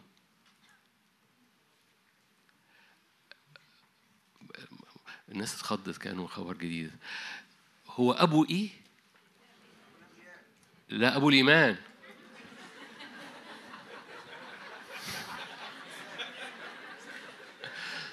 حد مؤمن هنا؟ أبوه مين؟ إبراهيم. الفدا بتاع يسوع فتح إنك تت... إنك تطعم في هذه الشجرة. اقرأ اقرأ رسالة روميا. أنت طعنت في زيتونة جيدة. هو ده الفدا بتاع يسوع.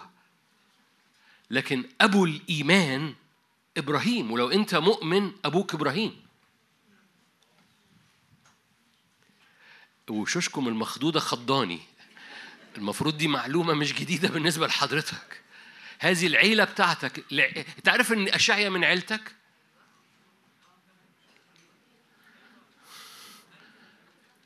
هذه العيلة متركبة معا إلى ذلك الرأس يسوع. أنت من عيلة قديمة. ليه؟ لأن طيار الرب والخليقة اللي خلقها اللي أودعها وكانت موجودة تحت أشباه وظلال واستعلنت لينا في الإبن عشان فقط في الإبن فقط في الإبن بنبقى أبناء.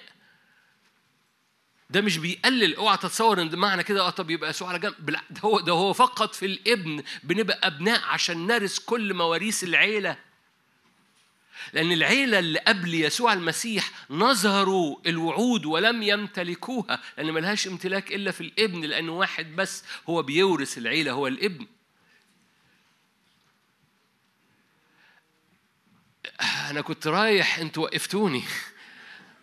وشكم بيقول لي هكمل في الحتة دي. قبل يسوع المسيح العيلة ما كانتش بتورث. العيلة كانت ضايعة. العيلة كانت شايفة الوعود وكانت بتتنبأ على الوعود لكن ما كانتش بلاش كانت ضايعة مش مش مظبوطة. العيلة كانت بتقع بسهولة وبتلف بسهولة وبتعبد أصنام بسهولة وبعد كده تقوم شايفة وتتنبأ في العهد القديم. ليه؟ لأن العيلة عمالة بترى حاجة لسه مش قادرة توصل لها لأن فقط ما بتعرفش تورثها لأن فقط واحد بيورث الابن. عشان كده حضرتك اتغيرت هويتك في الابن انك تبقى ابن لأن في الابن بتورث. لأن مفيش حد بيورث غير ابن. ليه بنكرز؟ ده اللي أنا بعمله دلوقتي. ليه بنكرز؟ عشان حضرتك لما بتبقى ابن في الابن كل الوعود الميراث بيبقى ليك. ولو الأبناء مش فاهمين اني وأنا في الابن اللي هو يسوع المسيح أنا عشان كده المسيح فيكم مش مش فلسفة. وأنا في الابن أنا ببقى واقف في اللوكيشن في المكان اللي فيه الميراث بينسكب لأني في الابن فأنا بسكن في الابن. فالابن مش معلومة فلسفية الابن سكنة روحية يومية. فمش محتاج أعمل لك محاضرة عن الصلاة أنا محتاج أقول لك مش هتورث إلا وأنت موجود في الابن. ترجمها بقى. ترجمها يعني؟ يعني أنا وأنا رايح في الشغل أنا في الابن وأنا وأنا في المواصلة وأنا وأنا في ميكروباص في سوهاج أنا في الابن. مش عندكم ميكروباصات برضو؟ في في الكوكب بتاعكم. وأنا وأنا فمش محتاج أقول لك صلي في الميكروباص. مش محتاج أقول لك صلي وأنت في في العجقه في, في لبنان. في العجقه عجقه تمام. مش محتاج أقول لك صل... مش محتاج أعمل لك محاضرة عن الصلاة. أنا محتاج أقول لك ببساطة أنت في الإبن بتورث كل حاجة عينيك بتتفتح. ليه؟ لأنك وأنت في الإبن قدام الآب ومفيش حد بيورث غير الإبن. مفيش اهو خليني أقولها أوضح يمكن الإبن مش منوره لغاية جوه. مفيش حد بيورث الآب إلا المسيح. طب وأنا فين؟ آه أنت في ال... عشان كده أنت مسيحي. بس بس بتقولي آه خلاص أنا عرفتها. no no no no أنت يعني لو أنت بقيت مسيحي وبعد كده رحت تلعب في في الشارع إن- أنت سايب المسيح هناك. هناك بيورث هنا مش بتورث. أنت دي سكنة.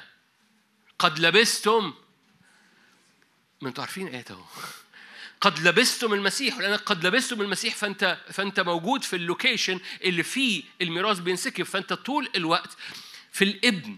وده صلاة ده محبة دي ترنيمة ده صورة ده إعلان ده ودان مفتحة ده نفسية. الهيكل بتاعك مليان لأنه الابن بس هو اللي بيورث. وأنا عايزه أورث فأنا ابنة أنا ابنة في الابن. وأنا موجودة في هذا المكان. اليوم النهارده طالع اليوم النهارده نازل. أنا مبنية على أساس. أوكي. إيه اللي دخلنا هنا؟ سبى سبيا وأعطى الناس عطايا. الذي نزل هو الذي صعد أيضا فوق جميع السماوات لكي يملأ الكل. فكان في شيء مسبي من الكنيسة هو سبى السبي. آه ده اللي دخلنا. إن حضرتك عيلتك قديمة اتسلب منها على مدار السنين. يسوع في الفدا ام مرجع اللي اتسرق. وأم في الصعود صعد إلى العلاء فسكب عطايا. دي عطايا الصعود. عطايا الصعود. رسل ال 12 كانوا قبل الصعود. صعد إلى العلاء سبى سبيا وأعطى الناس عطايا. أعطى رسل أنبياء كارزين رعاة ومعلمين. والوظيفتين الأولانيين دول وظيفتين إعلانيين. يعني إيه إعلانيين؟ يعني بيفتحوا العينين بيفتحوا الودان بيفتحوا القلب. الوظيفة الكرازية بتدخل نفوس ل... ل... ل... ل... ل... ل... لإن هم يبقوا أبناء الوظيفة الرعوية بتحضن النفوس الجديدة الوظيفة التعليمية بتثبت الحق والوظيفة النبوية بتشاور للي جم إن هم مش هيقعدوا يلفوا حوالين نفسهم. حبيبي افتح عينك بص والوظيفة الرسولية بتاخد ال... الصورة اللي بيشاور عليها الأنبياء وبتفعلها. والكنيسة بقت تركيبتها شغالة بالخمسة الخمسة مهمين جدا. فاللي بيفتح الباب للي بره هو الكارز. اللي بيحضن الداخلين هو الراعي. بس الكنيسة مش مبنية على الرعاية فنعيش بقى طول عمرنا. تعرفوا الكنائس هنصلي من أجل رجل فلانة العيانة ونصلي من أجل خالتي ونصلي من أجل عمتي. وكل ده مهم جدا مهم جدا مهم جدا. لازم نصلي من أجل خالتي.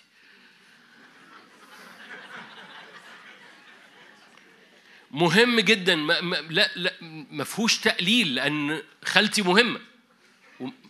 أنا مش بهزر. أي حد هنا عنده خالة بيحبها هيتفق معايا. كل اللي بيضحكوا ما عندهمش خالات. أو ما بيحبوش خالاتهم. كل واحد عمال بيفكر في خالته.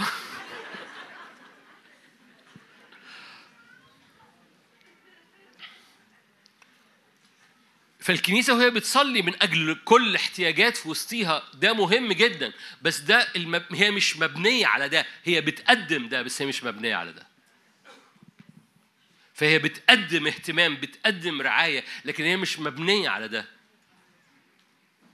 واتكلمنا عن المعلم المعلم بيفرش الحق اللي بيثبت الإعلان لكن الكنيسة مبنية على أساس الإعلان الرسولي والنبوي اللي مبني من زمان. ومن فضلك ارجع اجتماع امبارح ده, ده لما خلق الخليقة بناها على أعمدة وحجر الزاوية. فأفسس 22 هو الموجود في أيوب 36 38 أوكي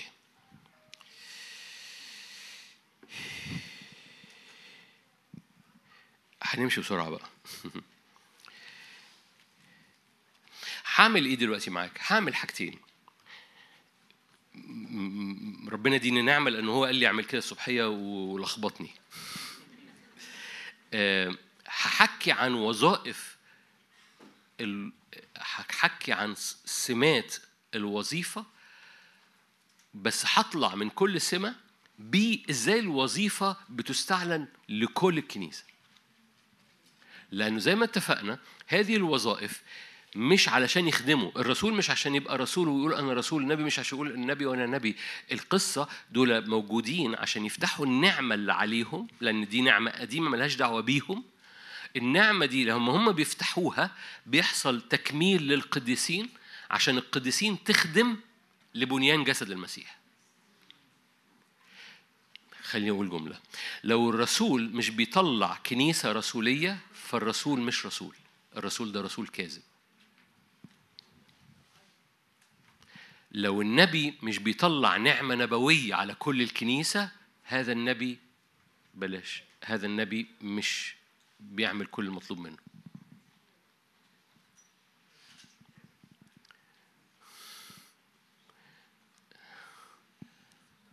لا لأنه لو هي الرسول بيخدم رسول والنبي بيخدم نبي يبقى كلنا هنروح للنبي. ماشي؟ و, و... قول لنا ربنا بيقول بيقول إيه؟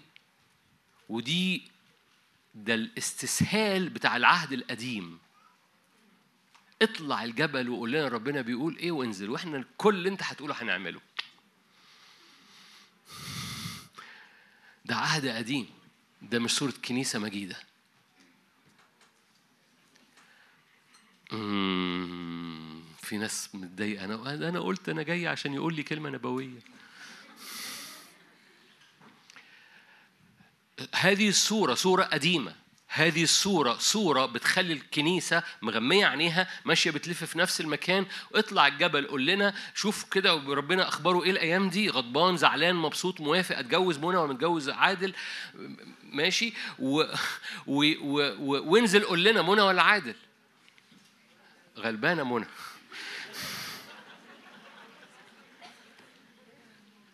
دايما منى آه. بس ده عهد قديم ده اللي حصل مع موسى. وموسى فوق الجبل كلهم عبدوا البعل تحت. والكنيسة بتلف في نفس النقطة. وموسى فوق الجبل قدام وجه الرب وجلده عمال بيلمع في نفس الموسم. الشعب اللي مش عايز يبقى رسولي نبوي الشعب اللي مش عايز يطلع فوق الجبل بيعبد البعل تحت وده اوتوماتيك ما أعرفش أنتوا سمعتوا ولا لأ؟ هقولها مرة تاني. لو حضرتك مش موافق إنك تبقى أو مش مدرك أو مش مستوعب أو بسبب إنه مدام الوارث قاصر لا يفرق شيئا عن كونه العبد مش مدرك إن الجزء ال- أنت على أساس رسولي نبوي ودور وظيفة الرسول أو وظيفة النبي مش ان هو يقول لك كلمة نبوية لكن يفتح طاقة نبوية على كل الشعب عشان أنت تسمع. لو أنت مش مدرك إنك على أساس نبوي الطبيعي بتاعك بتعمل عجل وبتعبده. صدقني. والعجل ده في بعض الأحيان بيبقى فلوس العجل ده في بعض الأحيان بيبقى شغل العجل ده في بعض الأحيان بيبقى انت العجل ده في بعض الأحيان بيبقى نجاسة أنواع كتيرة للعجل. ليه؟ لأنك تحت الجبل أنت قاعد فاضي فوق الجبل موسى لامع لكن أنت لو أنت مدرك إنك مع موسى فوق الجبل أنتوا عارفين إن يشوع ما نزلش فما عبدش البعل. برغم إن هو مش في النار بس هو فضل واقف. يعني بقى واحد جوه لو قلنا إن موسى رسول فيشوع برغم إنه ما كانش رسول بس كان في الجبل. فتمتع بهذه النعمة الرسولية النبوية ولم يسقط. ويشوع قام مترقي بعد كده وهو اللي دخل الأرض. يا رب تنور الصورة يا رب ينور المجد يا رب قلبك يكلك إنه في مشهد مختلف في تركيبة مختلفة للكنيسة في تركيبة مختلفة سوري عن الصورة المشوهة عن الوظيفة وظيفة الرسول فلان وظيفة النبي فلان آه في في في البلاد العربية في أنبياء آه في أنبياء وفي رسل لا لا القصة مش كده خالص الكنيسة كلها تعبر فيها النعمتين دول في وظائف نعم في وظيفة رسول في العهد الجديد نعم. في الكنيسة؟ نعم. في البلاد العربية؟ نعم. في الأنبياء في الكنيسة البلاد العربية؟ نعم. بس مش عشان يتنبأوا ويعملوا ويعملوا بادج وكارت أنا الرسول فلان فك عقد حل مش عارف إيه.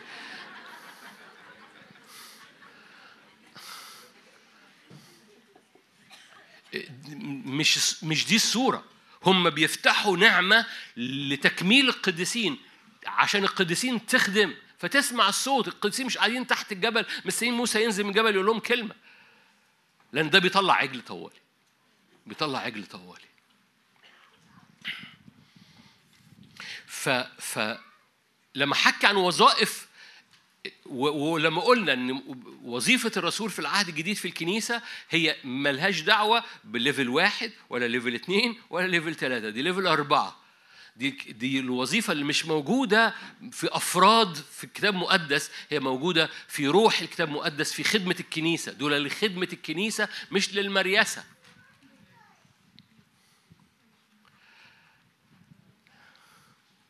بولس الرسول نفسه قال الرب أقامنا رسلا كالسقط آخر الجميع. صرنا منظرا للناس والملائكة. okay. okay. نقطة نمرة واحد في سمات الوظيفة بتاعت الرسل في الكنيسة. وهطلع منها زي ما قلت لك هتكلم عن الوظيفة وهطلع منها للكنيسة لأن القصة كلها هي الكنيسة مش الوظيفة. أنا ما كنتش عايز أتكلم عن الوظيفة لكن آه، آه، النظام اتغير. مش بدماغي. أول حاجة في وظيفة الرسول نمرة واحد إن هو مدعو من الله ومثبت من أنبياء. بمعنى إن هو ما بينه وفي الحضور الإلهي واقف قدام الرب. في إعلان لو خدنا بولس كمثال قال أنتم تعلمون درايتي بسر المسيح لأنه بإعلان عرفني هذا السر. فالرسول هو مربوط بإعلان عن سر يسوع المسيح فبيطلق حكمة وإعلان في معرفة يسوع. وهذه الدعوة مثبتة من خلال أنبياء عشان كده في العهد القديم في الصورة المبسطة الأنبياء كانوا هم اللي بيمسحوا الملوك الملوك في العهد القديم هو صورة الرسل بمعنى إيه؟ بمعنى الأنبياء كانوا بيسمعوا صوت الرب والأنبياء بينفذوا الأنبياء بيع... والملوك بينفذوا الأنبياء بيعملوا إيه؟ لما الملوك والأنبياء كانوا في العهد القديم بيتحركوا مع بعض كان دايما الكنيسة بيحصل فيها نهضة أو شعب الرب في العهد القديم بيحصل فيه نهضة. عشان كده انت من عيلة قديمة مبنية على أساس الرسل والانبياء قبل ما يبقى في حاجة اسمها بطرس. لأن في من العهد القديم الصورة موجودة. الملوك والأنبياء لما بيتحركوا مع بعض ملحوظة ملحوظة ربنا يح- يحفظني من اللي هيحصل بعديها مش مقاصد الرب يبقى فيه أنبياء بدون رسل ومش مقاصد الرب يبقى فيه رسل بدون أنبياء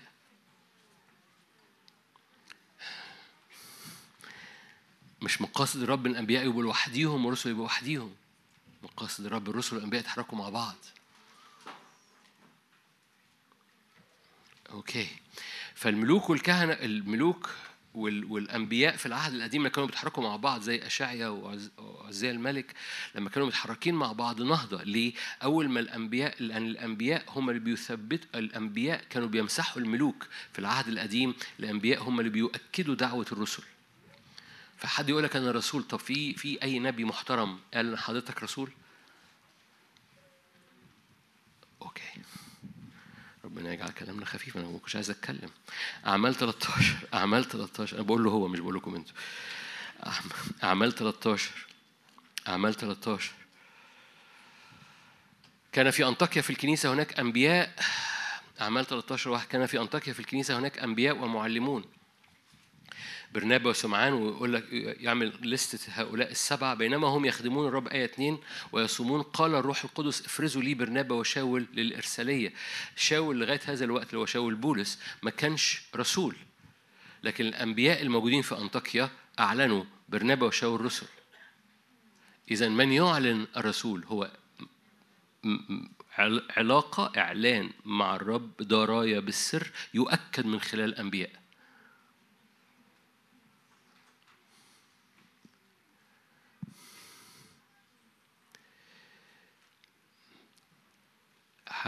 هستعير كلمة من بكرة. الكنيسة الناضجة هتوصل إنها تحكم أو تميز زي كنيسة أفسس جربت القائلين أنهم رسل وليسوا رسل فوجدتهم كاذبين. إزاي جربت الرسل؟ بيقولوا إن هم رسل وجدتهم كاذبين. عشان كده اللي أنا بعمله النهارده عشان الكنيسة الناضجة محتاجة تميز أي حد بيقول أنا فلان. بكرة هنحكي عن رسل الكذبة والأنبياء الكذبة. وممكن تستغرب الأنبياء الكذبة مش بيقولوا كلمة نبوية كذبة. قال اتجوز منى وما طلعتش هتجوز منى. مش هو ده الأنبياء الكذبة. دم ضخدش بس ال... صباح الخير فالرسل اللي بيخليهم رسل هو ليهم علاقة شخصية ما بينهم وما بين الرب فيها إعلان دراية بسر يسوع المسيح. ده بيحرك المية وبيظهر من خلال تحريك المية اللي خارج منهم ومثبت من خلال الأنبياء. فالأنبياء مش مش أي حد معدي. فلان قال لي كلمة إنك أنت الرسول ف no no no أنبياء في الكنيسة فبيعلنوا إنه هؤلاء رسل ولأن في أنبياء بيعلنوا إنهم رسل. ف فدي أول أول سمة من سمات الرسول. بس القصة أنا مش عايز أتكلم عن السمة أنا عايز أتكلم عن النتيجة. هذا الرسول بيفتح إيه على الكنيسة. لأن الكنيسة كلنا بقى مبنيين على أساس إيه؟ النعمة دي. دي نعمة تواجد وعمق في الكلمة وفي الاختبار وفي وفي وفي, وفي النبوة. فالكنيسة كلها تلاميذ للحضور وللكلمة لأن الرسول هو ابن حضور وابن كلمة. فبيطلع تلاميذ للحضور وللكلمة هم الرسل قبل ما يبقوا رسل كان اسمهم إيه؟ أنتوا حلوين أهو فالوظيفة الرسول بتطلع تلاميذ للحضور والكلمة. تقول لي إيه؟ طب أنا افتكرت الرسول بيطلع رسل أقول لك اصبر عليا. ما هو لما حضرتك تبقى تلميذ للحضور والكلمة والرب دعاك إنك تبقى رسول هيقوم مشاور عليك لأنك أنت بالفعل تدربت في تلمذة الرسولية.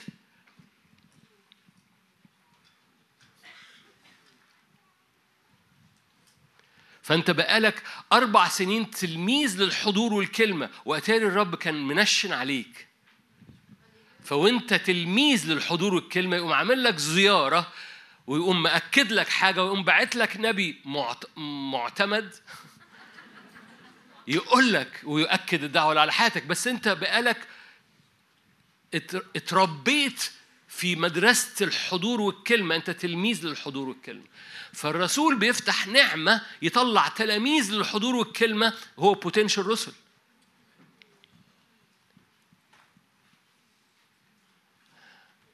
هلو؟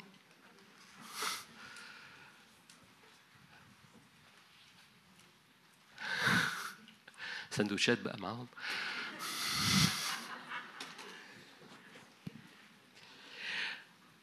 أوكي. آه، ساعدوني علشان إيه؟ يساعدك ربنا. طيب. شايف إن- شايف الناس في مصر جمال إزاي؟ بعد شوية حد تديني ربع جنيه ويمشي. خلص ربع جنيه وخلص. يساعدك ربنا. آه يا رب أشكرك. تيموساوس الأولى. تيموساوس الأولى. تيموساوس الأولى. أوكي. تيموساوس الأولى صح اتنين. أنا بتكلم عن سمات الرسول.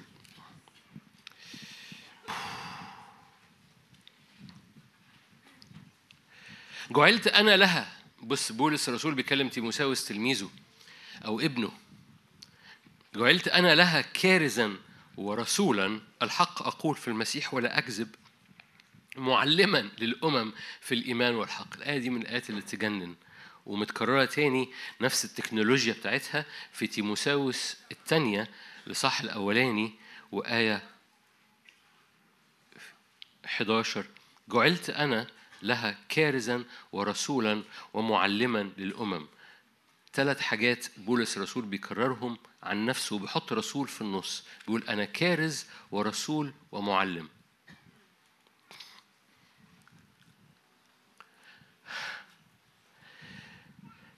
في أحد سمات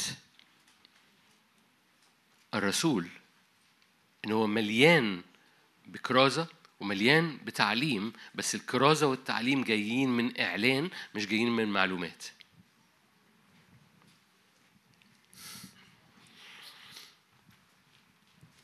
كارز ورسول ومعلم في الحق فهو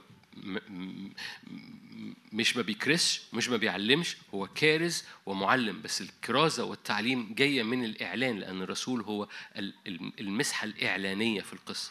حلو قوي فدي وظيفة okay. بس القصة الوظيفة دي بتطلع إيه؟ خليني أقول حاجة. بتطلع كنيسة أبكار. عارفين يعني إيه كنيسة أبكار؟ كنيسة أبكار إحنا دايما مشغولين آه البكر ده له شريعة البكر اللي هو له الضعفين والبكر ده لذيذ قوي وشريعة البكر بياخد بياخد double يعني بياخد double إخواته كأنها شريعة إسلامية. بياخد دبل إخواته. نو no. البكر ده هو المسؤول عن كل إخواته.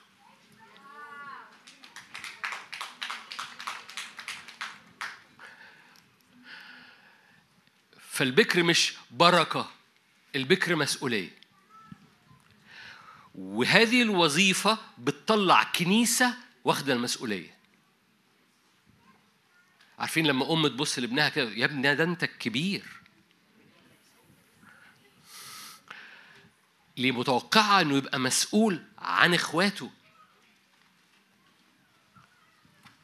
مش قاصر مش ال مش المدلع مش اللي آه، بيصوصو طول الوقت. يا ابني ده انت الكبير ده انت المفروض تبقى مسؤول عن اخواتك. الرسول ما بيطلعش كنيسة قاصرين الرسول بيطلع كنيسة أبكار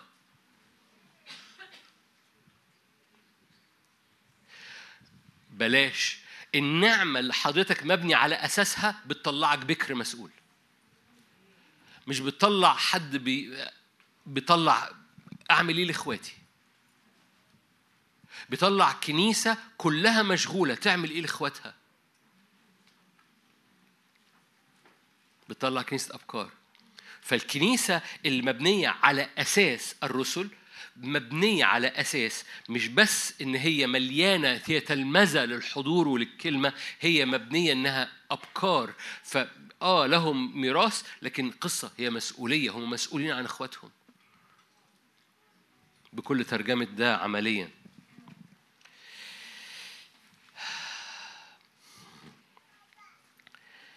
الرسل دايما الوظيفه النمرة اثنين عشان الوقت بس بيطلع أبناء فالرسل بيطلع أبناء بيطلع أبطال لأنه وبالتالي الكنيسة كلها مليانة هبات روحية.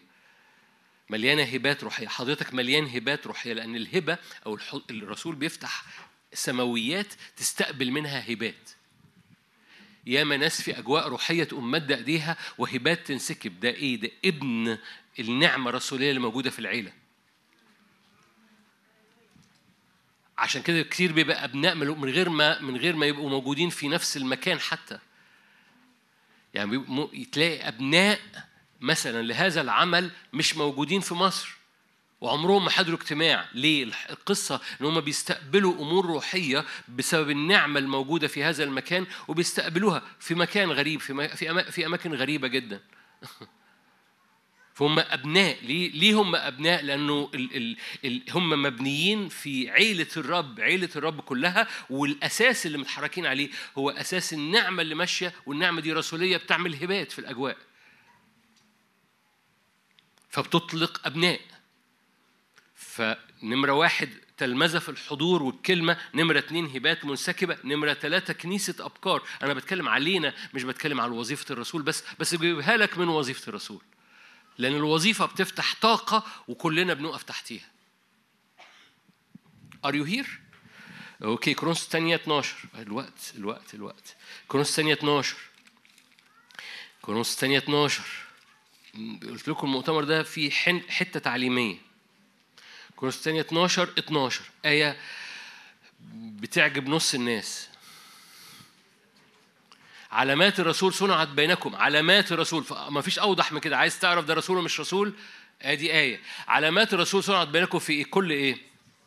آه جميلة أوي. أحد علامات الرسول إنه صبر إنه صبور. صبور يعني إيه؟ يعني يعني بيقف قدام أمور معاندة وبيفضل صابر. مش بيرنم ترنيمة أنا صابر ليك. لكن بيفضل مش. مش محمول بكل ريح مش قصبة بتحركها الريح هو بيفضل في أناة وصلابة واقف في الأرض لغاية لما المية تعدي عشان يعبر علامات الرسول صنعت بينكم في كل صبر أنا عارف إنك عايز تكمل الآية بس ما تهربش من الحتة دي ما هو لو لو لو لو حد يقول لك أنا أنا أنا بس بس بينفعل ليه ما حصلش؟ وليه ما عملش كده؟ وليه ما عمل درن درن دن دن. آه. علامات الرسول إنه مليان صبر. مش صبر من من روحي وعملي.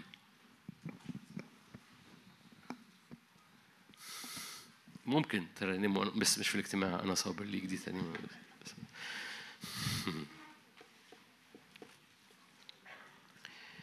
لو كملنا الآية لأن الآية جميلة هذا الصبر بيؤدي إليه.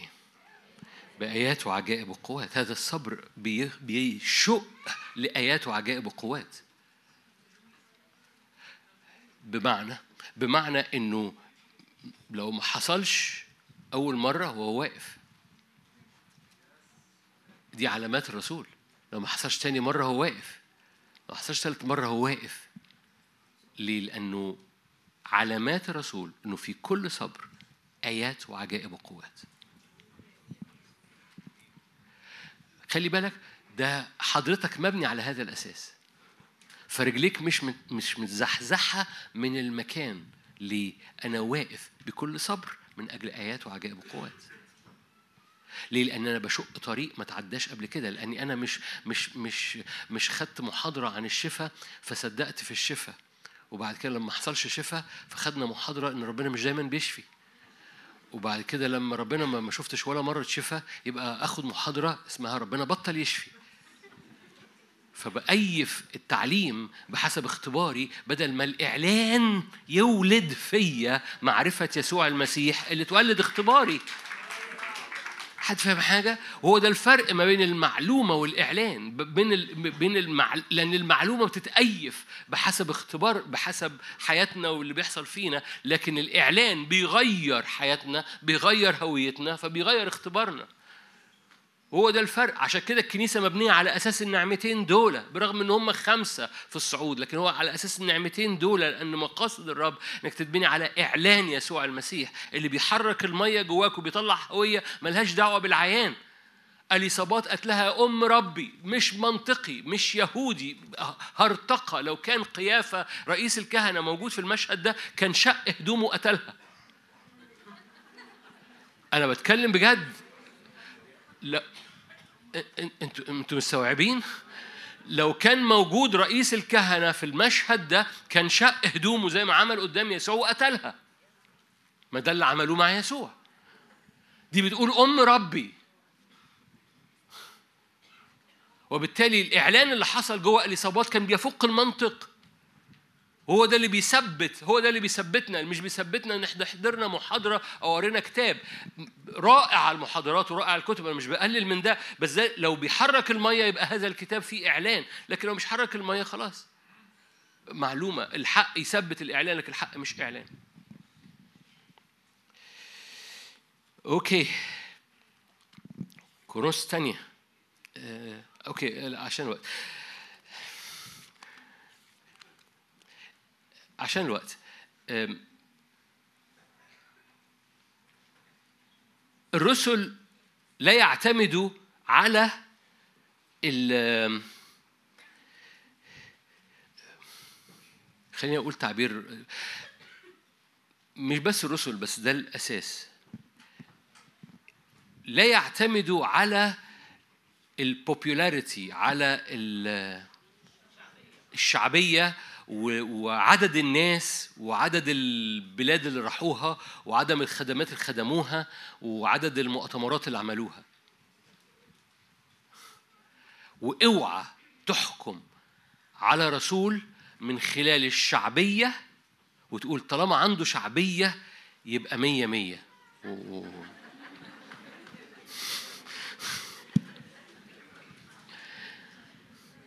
اوعى تعمل كده. ده بالعكس الرسول عمره ما كان ورا شعبية.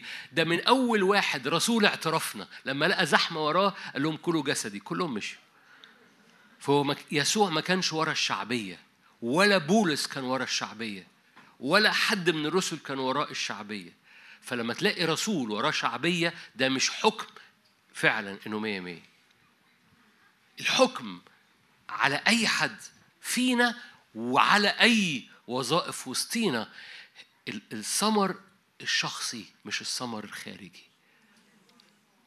الاستقامة الشخصية ال ال ال ال غير طماع غير ضراب غير سكير. فاكرين الآيات اللي في تيموساوس عن الأسقف؟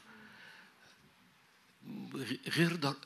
مش عنيف في في حاجة متستفة صح. غير محب للمال غير في في حاجة متظبطة صح جوه دوافعه جوه هويته. وهو ده الحكم. تصوروا لما بي- بيقول بيقول لتيموساوس تختار إزاي أسقف؟ أسقف ده راعي كنيسة ده ناظر نظار ده ده seer overseer يعني حاجة حاجة عظيمة overseer قال له قال له فتخيل لو أنت بقى هتكتب. آه اختار لنا بقى واحد كده نقاوة من على وش القفص مليان مواهب وجواه كلمات علم وجواه شفاءات كده يعمل كده يخفف ويعمل كده يقوم. ما- وما قالش ولا حاجة من الحاجات دي. اختار واحد غير ضراب غير سكير باع لزوجة واحدة متواضع مش حديث الإيمان لا لا يتصلف. طب فين مواهب الروح القدس؟ ما جابش سيرة. معنى كده مواهب الروح القدس مش مهمة؟ لا لأن الكنيسة كلها كانت مليانة مواهب الروح القدس فما كانش فكرة إنه يقول له حط في حد مواهب الروح القدس، الكنيسة كلها مليانة بالروح القدس. فهو مش محتاج يقول له جيب لي واحد عنده مواهب الروح القدس جيب لي واحد بيصلي بالروح. هم كلهم بيصلوا بالروح. فمش محتاج يقولها. بس هو محتاج يقول له جيب لي واحد زوج امرأة واحدة. مش مش نجس. مش طماع. أنتوا هنا؟ وبالتالي القصة مش popularity القصة مش شعبية القصة مربوطة بعمق الإناء بتاع الوديعة وعمق الإناء اللي بيطلع شعب عميق. لأن إحنا كلنا مبنيين على أساس مثل هذا يجب أن نتوقع أن العصارة اللي ماشية فينا بتطلع شرفاء. معلش الكتاب المقدس هو اللي قال شرفاء من أرض مصر فأكيد برضو لبنان والأردن. لكن لكن لكن عارفين ليه قال شرفاء من أرض مصر؟ لأن مصر دايما بتطلع عبيد ما كانش محتاج يذكر لبنان. لبنان ما بيطلعش عبيد. فأنا ظبطت الكلام بقى. مصر مصنع مصر مصنع بيطلع عبيد. فطبيعي المصري عنده فرعنة وصغر نفس عشان يغطي على صغر نفسه يتفرعن. عشان كده الرب قال أنا هعمل معجزة. هطلع شرفاء من أرض مصر. حد فاهم حاجة؟ دي معجزة. دي معجزة. لأنه مش طبيعي إن يطلع شرفاء من أرض مصر. أنا بتكلم بجد. أنا بتكلم بجد. وكلنا مرينا بكده وكلنا تربينا على كده تربينا على على الشيزوفرينيا دي. شيزوفرينيا صغر النفس والفرعنه ونحدف كده ونحدف كده نحدف نحدف واطي قوي ونحدف عالي قوي والرب يقوم بيطلع هوية مستوية فينا غير ضراب غير طماع غير شرفاء.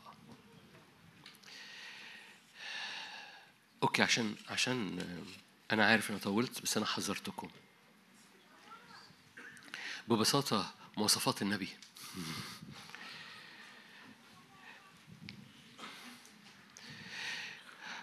أرمية 23 هنستعمل أرمية 23 بكرة. أنا لازم أجمعها مع بعض بس عشان تبقوا مع بعض وبعد كده نصلي وناخد بريك طويل وناخد اجتماع قصير بكرة النهاردة بالليل ونطلقكم. أرمية 23 أرمية 23 آية 18 أرمية 23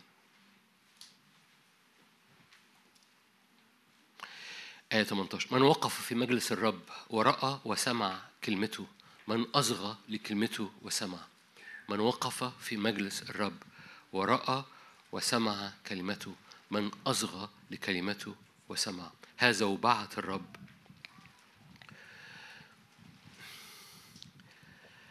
آية 21 لم أرسل الأنبياء بل هم جروا. لم أتكلم معهم بل هم تنبأوا.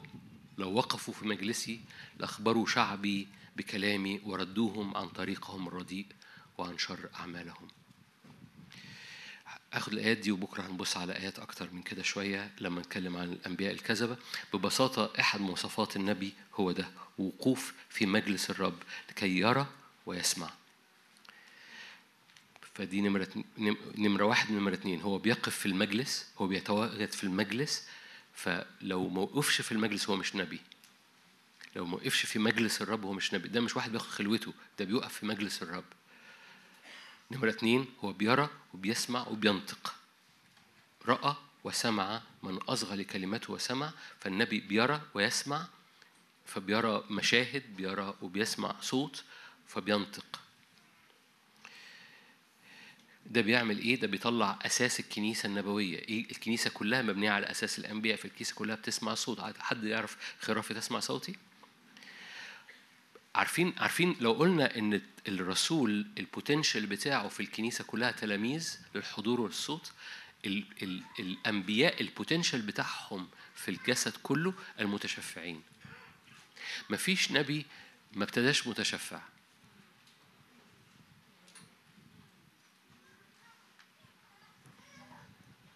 أوكي والكنيسة المبنية على أساس الأنبياء هي كنيسة بتطلق أو الأنبياء دول لتكميل القديسين لعمل الخدمة فالأنبياء دول بيطلعوا متشفعين طوالي. فالكنيسة كلها متشفعين. فالكنيسة كلها بتقف بتشفع قدام الرب والرب يقوم معدي والكل متشفعين دول أنا محتاجهم بس أنا باجي بعمل زيارة هنا بقول أوكي أنا بدعوك. فنمرة واحد وبيقف في المجلس نمرة اتنين بيشوفوا وبيسمعوا الاتنين بيشوفوا وبيسمعوا بيشوفوا وبيسمعوا بيشوفوا وبيسمعوا بيشوفوا وبيسمعوا فبيشوفوا ويسمعوا فينطقوا. أوكي عشان الوقت لقى سبعة أنا بختصر بس بدي بدي خل... صورة يعني لقى سبعة لأن الأنبياء معهم كلمة من الرب لأن الأنبياء معهم كلمة من الرب بصوا الأنبياء عمرك عمرك شفت نبي في الكتاب المقدس بيقول مين يتجوز مين؟ مين ضحك علينا؟ مين رقانا؟ مين عمل رقية وعمل عيافة وعرف علينا وقال لنا الأنبياء هم لي أتجوز مين؟ أو الأنبياء هروح أش- أشتغل فين؟ أو الأنبياء يقول لي آه، بنتي آه، هتبقى كويسة ولا لأ؟ مين ضحك علينا؟ مفيش مفيش نبي في الكتاب المقدس كله عمل كده. Think. الأنبياء في كل الكتاب المقدس هو أنبياء بي- بيرجعوا القلب للعبادة وللنار وبيرجعوا الأمة للعبادة والنار وبيرجعوا الشعب أو الكنيسة للعبادة والنار. هو ده النبي في العهد القديم وفي العهد الجديد. ولما مرة واحدة تنبأوا إن في مجاعة كانت من أجل إنقاذ الناس علشان يأتوا بمعونة وي- ويبقوا جاهزين لإنقاذ نفوس. وبالتالي عمرها ما كانت مين يتجوز مين.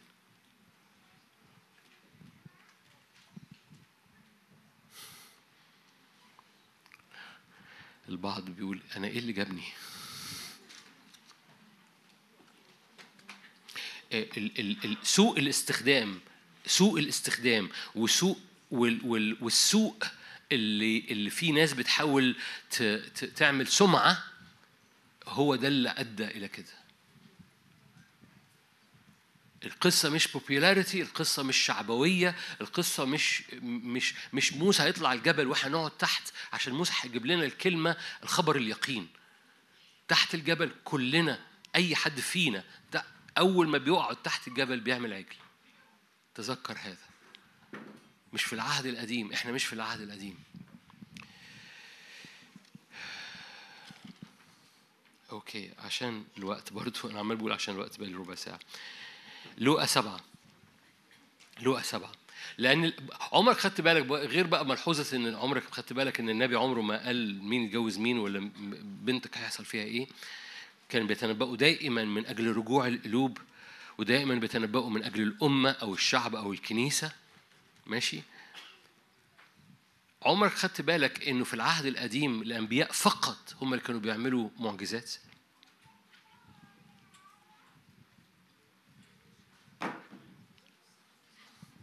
الانبياء فقط هم كانوا بيعملوا معجزات. هتقول لي موسى أقول لك الكتاب المقدس بيقول إن موسى كان نبي. لكن الباقي بقى إيليا إليشع الأنبياء فقط هم اللي كانوا بيعملوا معجزات. هللويا.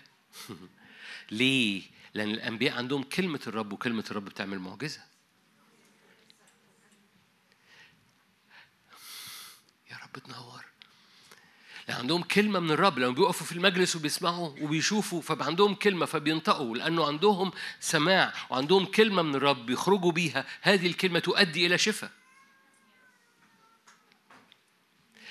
لوقا سبعة لما يسوع شفى الشاب الميت لوقا سبعة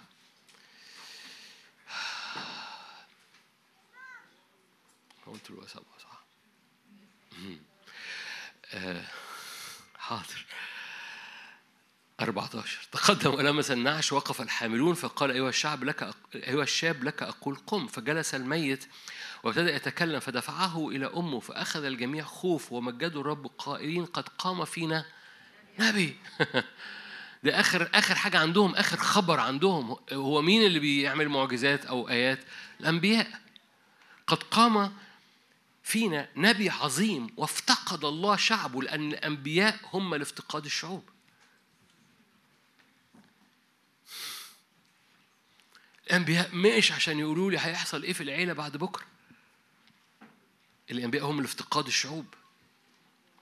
فأخذ الجميع خوف ومجدوا الله قائلين قد قام فينا نبي لأن اللي عنده كلمة من الرب طبيعي بيحصل شفاء. عشان كده الرب بيطلع أنبياء عشان لتكميل القديسين عشان كل القديسين يسمعوا عشان كل القديسين يبقى عندهم كلمة عشان كل القديسين يستخدموا للشفاء هذه الآيات تتبع المؤمنين يضعون أيديهم على المرضى ليه؟ لأن مش علشان هم حاجة، لأن القصة إن في حاجة مفتوحة عليهم وجواهم كلمة من الرب بيسمعوا كلمة من الرب فتتبعهم إن الشفاء يتبعهم.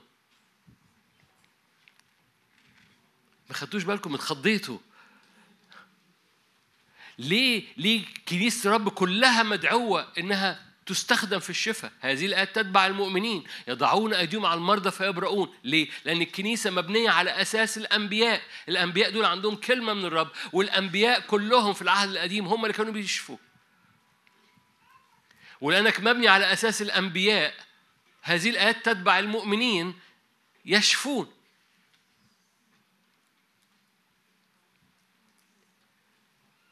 ده طلع الموضوع بجد.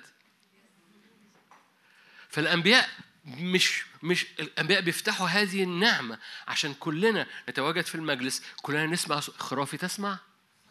حلو قوي أذناك تسمعان كلمة خلف قائلة هذه الطريقة أسلك فيها ده كل الشعب. فالأنبياء بيفتحوا المجال عشان كل الشعب يطلع الجبل وكل الشعب يسمع وكل الشعب يشوف فكل الشعب ينزل وكل الشعب تحت الجبل. يخرج الشياطين ويشفي المرضى. اخرجوا شياطين اشفوا مرضى. لأن إحنا مبنيين على عيلة ليها أساس وهذا الأساس من زمان قوي مربوط بالشفاء والآيات والعجائب.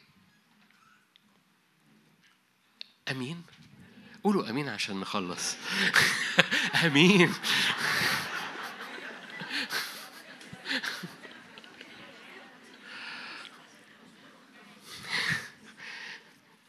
هو never ending gospel يعني إنجيل لا ينتهي. أؤمن أؤمن أؤمن أؤمن أؤمن أؤمن. الرب بيعمل نقلة في الكنيسة. أؤمن أؤمن أؤمن. في نعمة في نعمة هن هن غمض عينك معايا ومد إيدك وأنت قاعد وخلي الفريق يطلع. أؤمن أؤمن. في نعمة. أؤمن جدا إن في نعمة لترقية لإدراك لنضوج لنضوج لنضوج لنضوج لنضوج لنضوج لنضوج لنضوج. هللويا لنضوج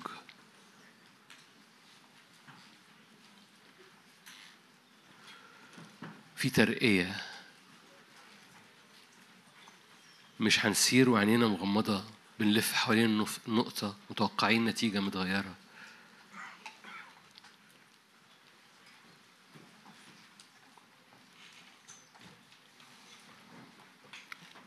يا روح الله افتح عينينا. انت قلت طوبى لأعينكم لأنها تبصر طوبى لأذانكم لأنها تسمع طوبى لقلوبكم لأنها تفهم. نعمة نعمة نعمة.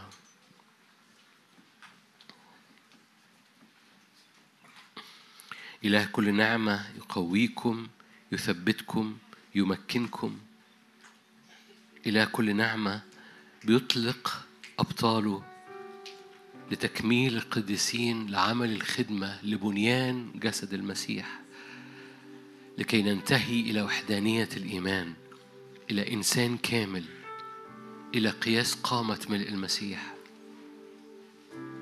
روح الرب يرف على كنيسته ليتشدد مع الذين قلوبهم كاملة نحوه روح الرب يرف على كنيسته عشان تتأصل إلى أسفل فتأتي بثمر إلى فوق. روح الرب يرف على كنيسته عشان يثبت قلبها ويثبت عينيها في العرش في المجلس في الحضور. لو وقفوا في مجلسي لأخبروا شعبي بكلماتي. روح الرب يرف عشان يطلع كنيسة على أساس. هللويا. عشان يطلع كنيسة على أساس. لها حجر الزاوية بتهتف لحجر الزاوية. كرامة كرامة كرامة له. بيطلع كنيسة على أساس. هللويا. مثبتين. مش قصبة بتحركها الريح. مش قصبة بتحركها الريح.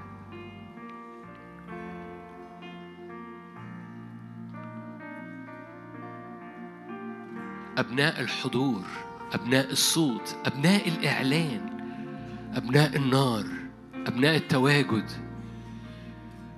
هللويا مش معلومات. كنيسة كاملة مش أشخاص ووظائف جزر لوحدهم عاليين فوق في الجبل. كنيسة كلها فوق الجبل. ارفض إنك تبقى فوق الجبل. أر- ارفض إنك تبقى تحت الجبل. منتظر حد يطلع الجبل وينزلها. لك كنيسة كلها فوق الجبل. كل كنيسة كلها في المجلس.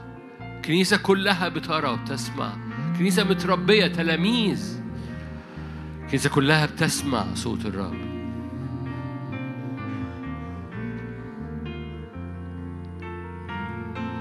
متلمذين أبناء الحضور أبناء الحضور. ليكن السمعة اللي على كل واحد واحدة فينا أنه أبناء الحضور.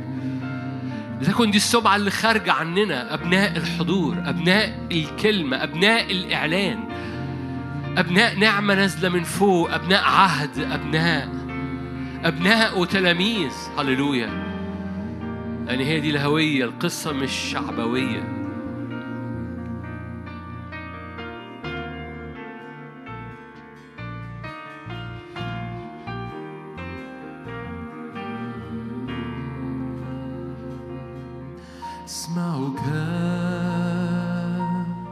تدعوني. اصعدي إلى هنا.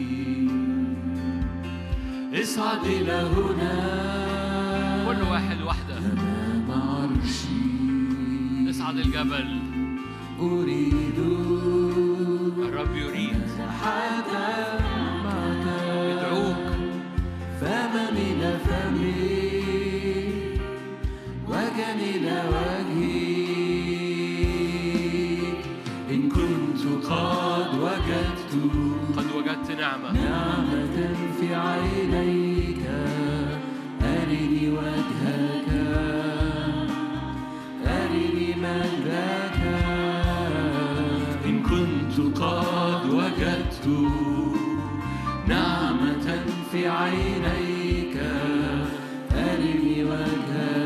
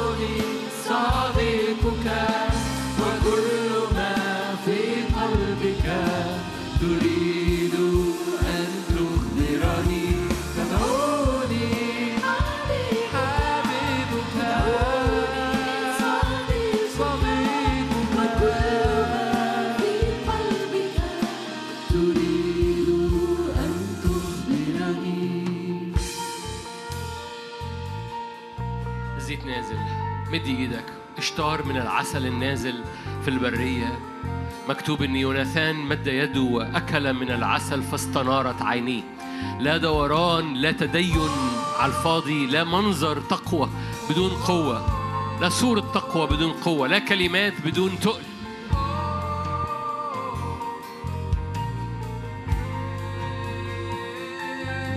مد يدك. للزيت النازل. مد يدك للنعمة النازلة. مد يدك لأن الرب يطلع كنيسة وعيلة لها أساس. حضرتك في عيلة لها أساس. لها أساسات وأساساتك مليانة مليانة مليانة. صوت مليانة حضور مليانة تلمذة وتؤلف الكلمة ومليانة إعلان وقيادة ومليانة إرسالية وقوة ومليانة كرازة وتعليم وحق ومليانة دراية بالسر ومليانة رؤية واستخدام وقوة وآيات وعجائب وصبر.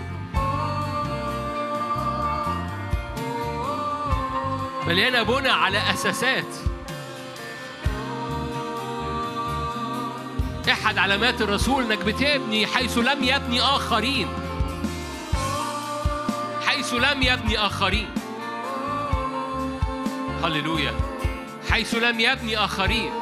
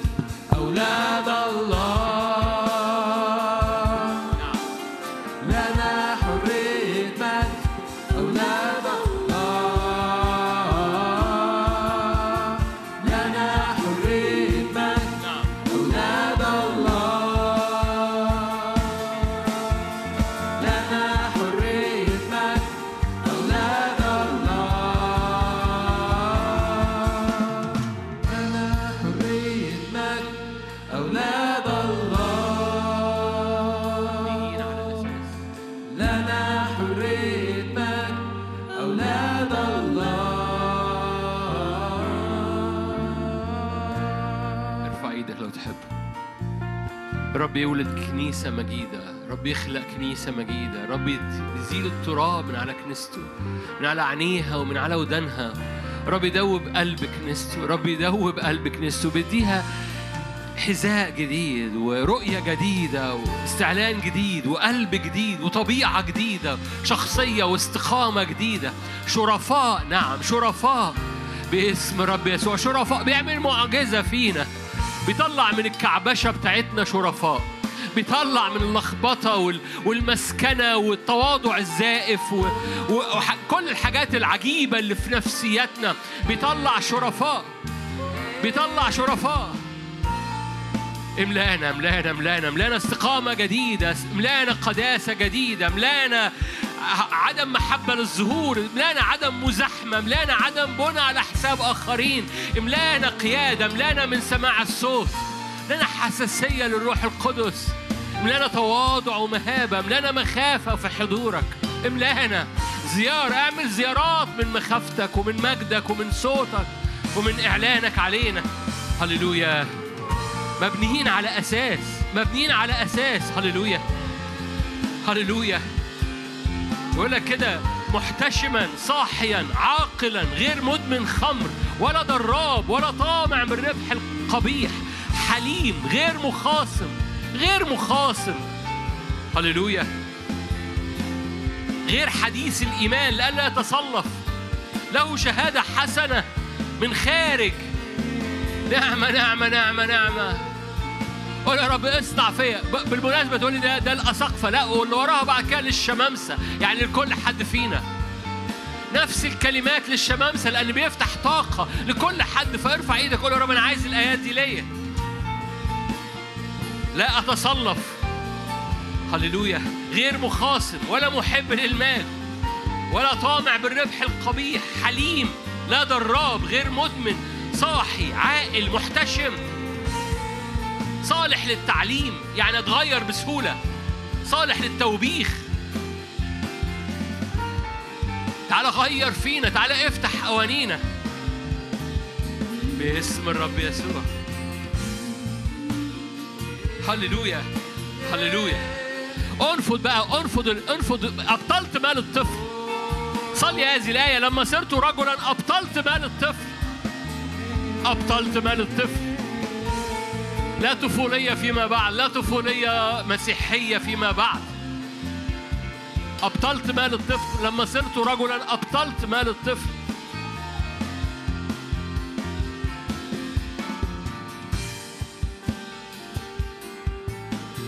روح الرب مسحني لأنادي بالعتق لأبشر مساكين.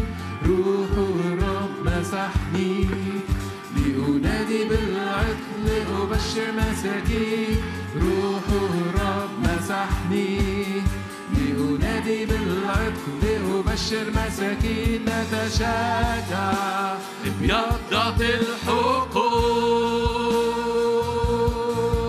نرفع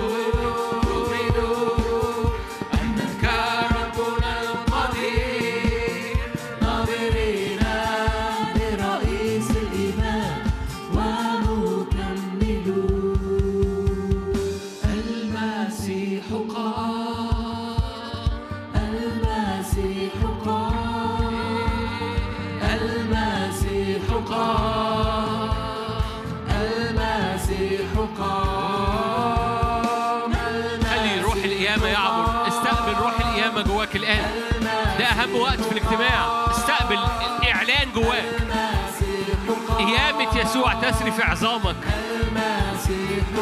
قيامة يسوع تسري في نفسيتك. قيامة يسوع.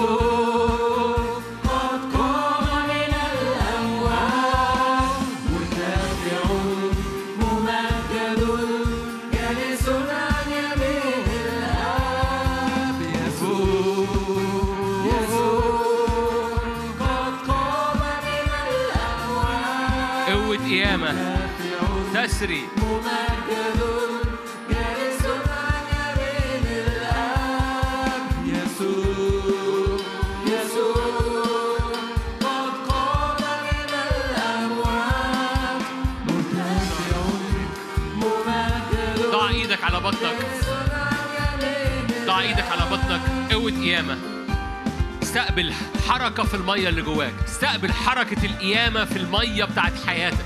استقبل قوة قيامة بتحرك المية بتنفض المية الراكدة بتزيح المية القديمة بتزيح المية المعكرة بتزيح أي مرارة من القلب ومن أحشائك.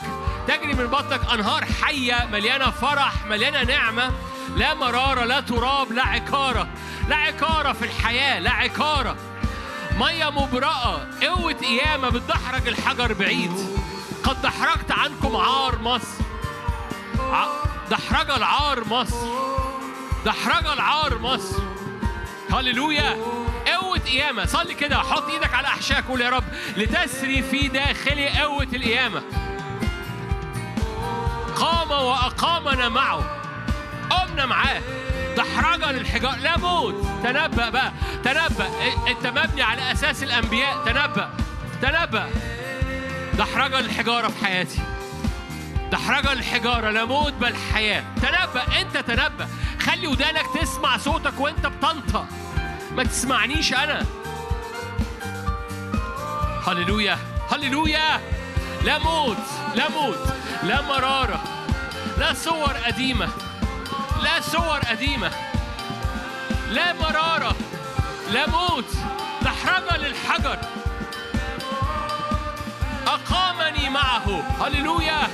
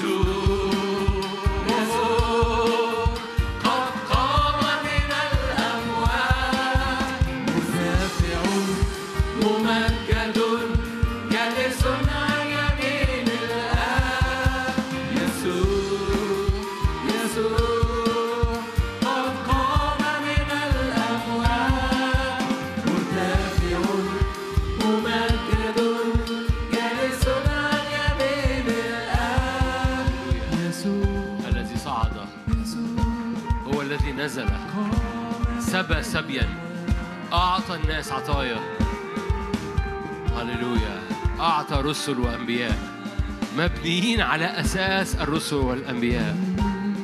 ويسوع المسيح نفسه حجر الزاوية. هللويا هللويا هللويا هللويا. افرح بالرب. عيلتك عيلتك عيلة كبيرة عيلتك عيلة عظيمة عيلتك عيلة مبنية على أساسات. أنت مش لوحدك عيلتك عيلة مبنية على أساسات. عيلتك عيلة عينيها مفتوحة ودانها مفتوحة عيلة شرفاء. فأنفض التراب أنفض التراب. عيلة أبكار كلهم مسؤولين على إخواتهم. كلهم رجالة. لا أعني رجالة وستات أعني أعني ذكور وإناث بس جواهم طبيعة أبكار كنيسة أبكار. أتيتم إلى كنيسة أبكار كنيسة كلها بتهتم بإخواتها. كنيسة شرفاء كنيسة مجد كنيسة بتتغير أوانيها من جوه فبيظهر نورها أمام العالم في اسم الرب يسوع. ارفع إيدك معايا.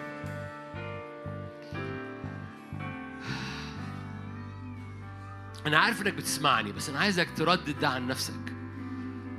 فودانك تسمع صوتك وقول كده أنا لوقت مثل هذا موجود في الأرض. أنا أؤمن إن لوقت مثل هذا موجود في الأرض. أنت مش موجود في الأرض عشان تضغط بظروف عشان تمر بأحداث صعبة علشان يحصل فيك ويحصل فيك أو أنت لوقت مثل هذا موجود في الأرض. عشان تخش قدام الملك ويقدم لك سلطان قضيب الملك يقول لك اطلب اقف من أجل الأمة اقف من أجل الشعب اقف من أجل بيتك اقف بسلطان. انت الوقت مثل هذا موجود على الأرض. أنفض المسكنة.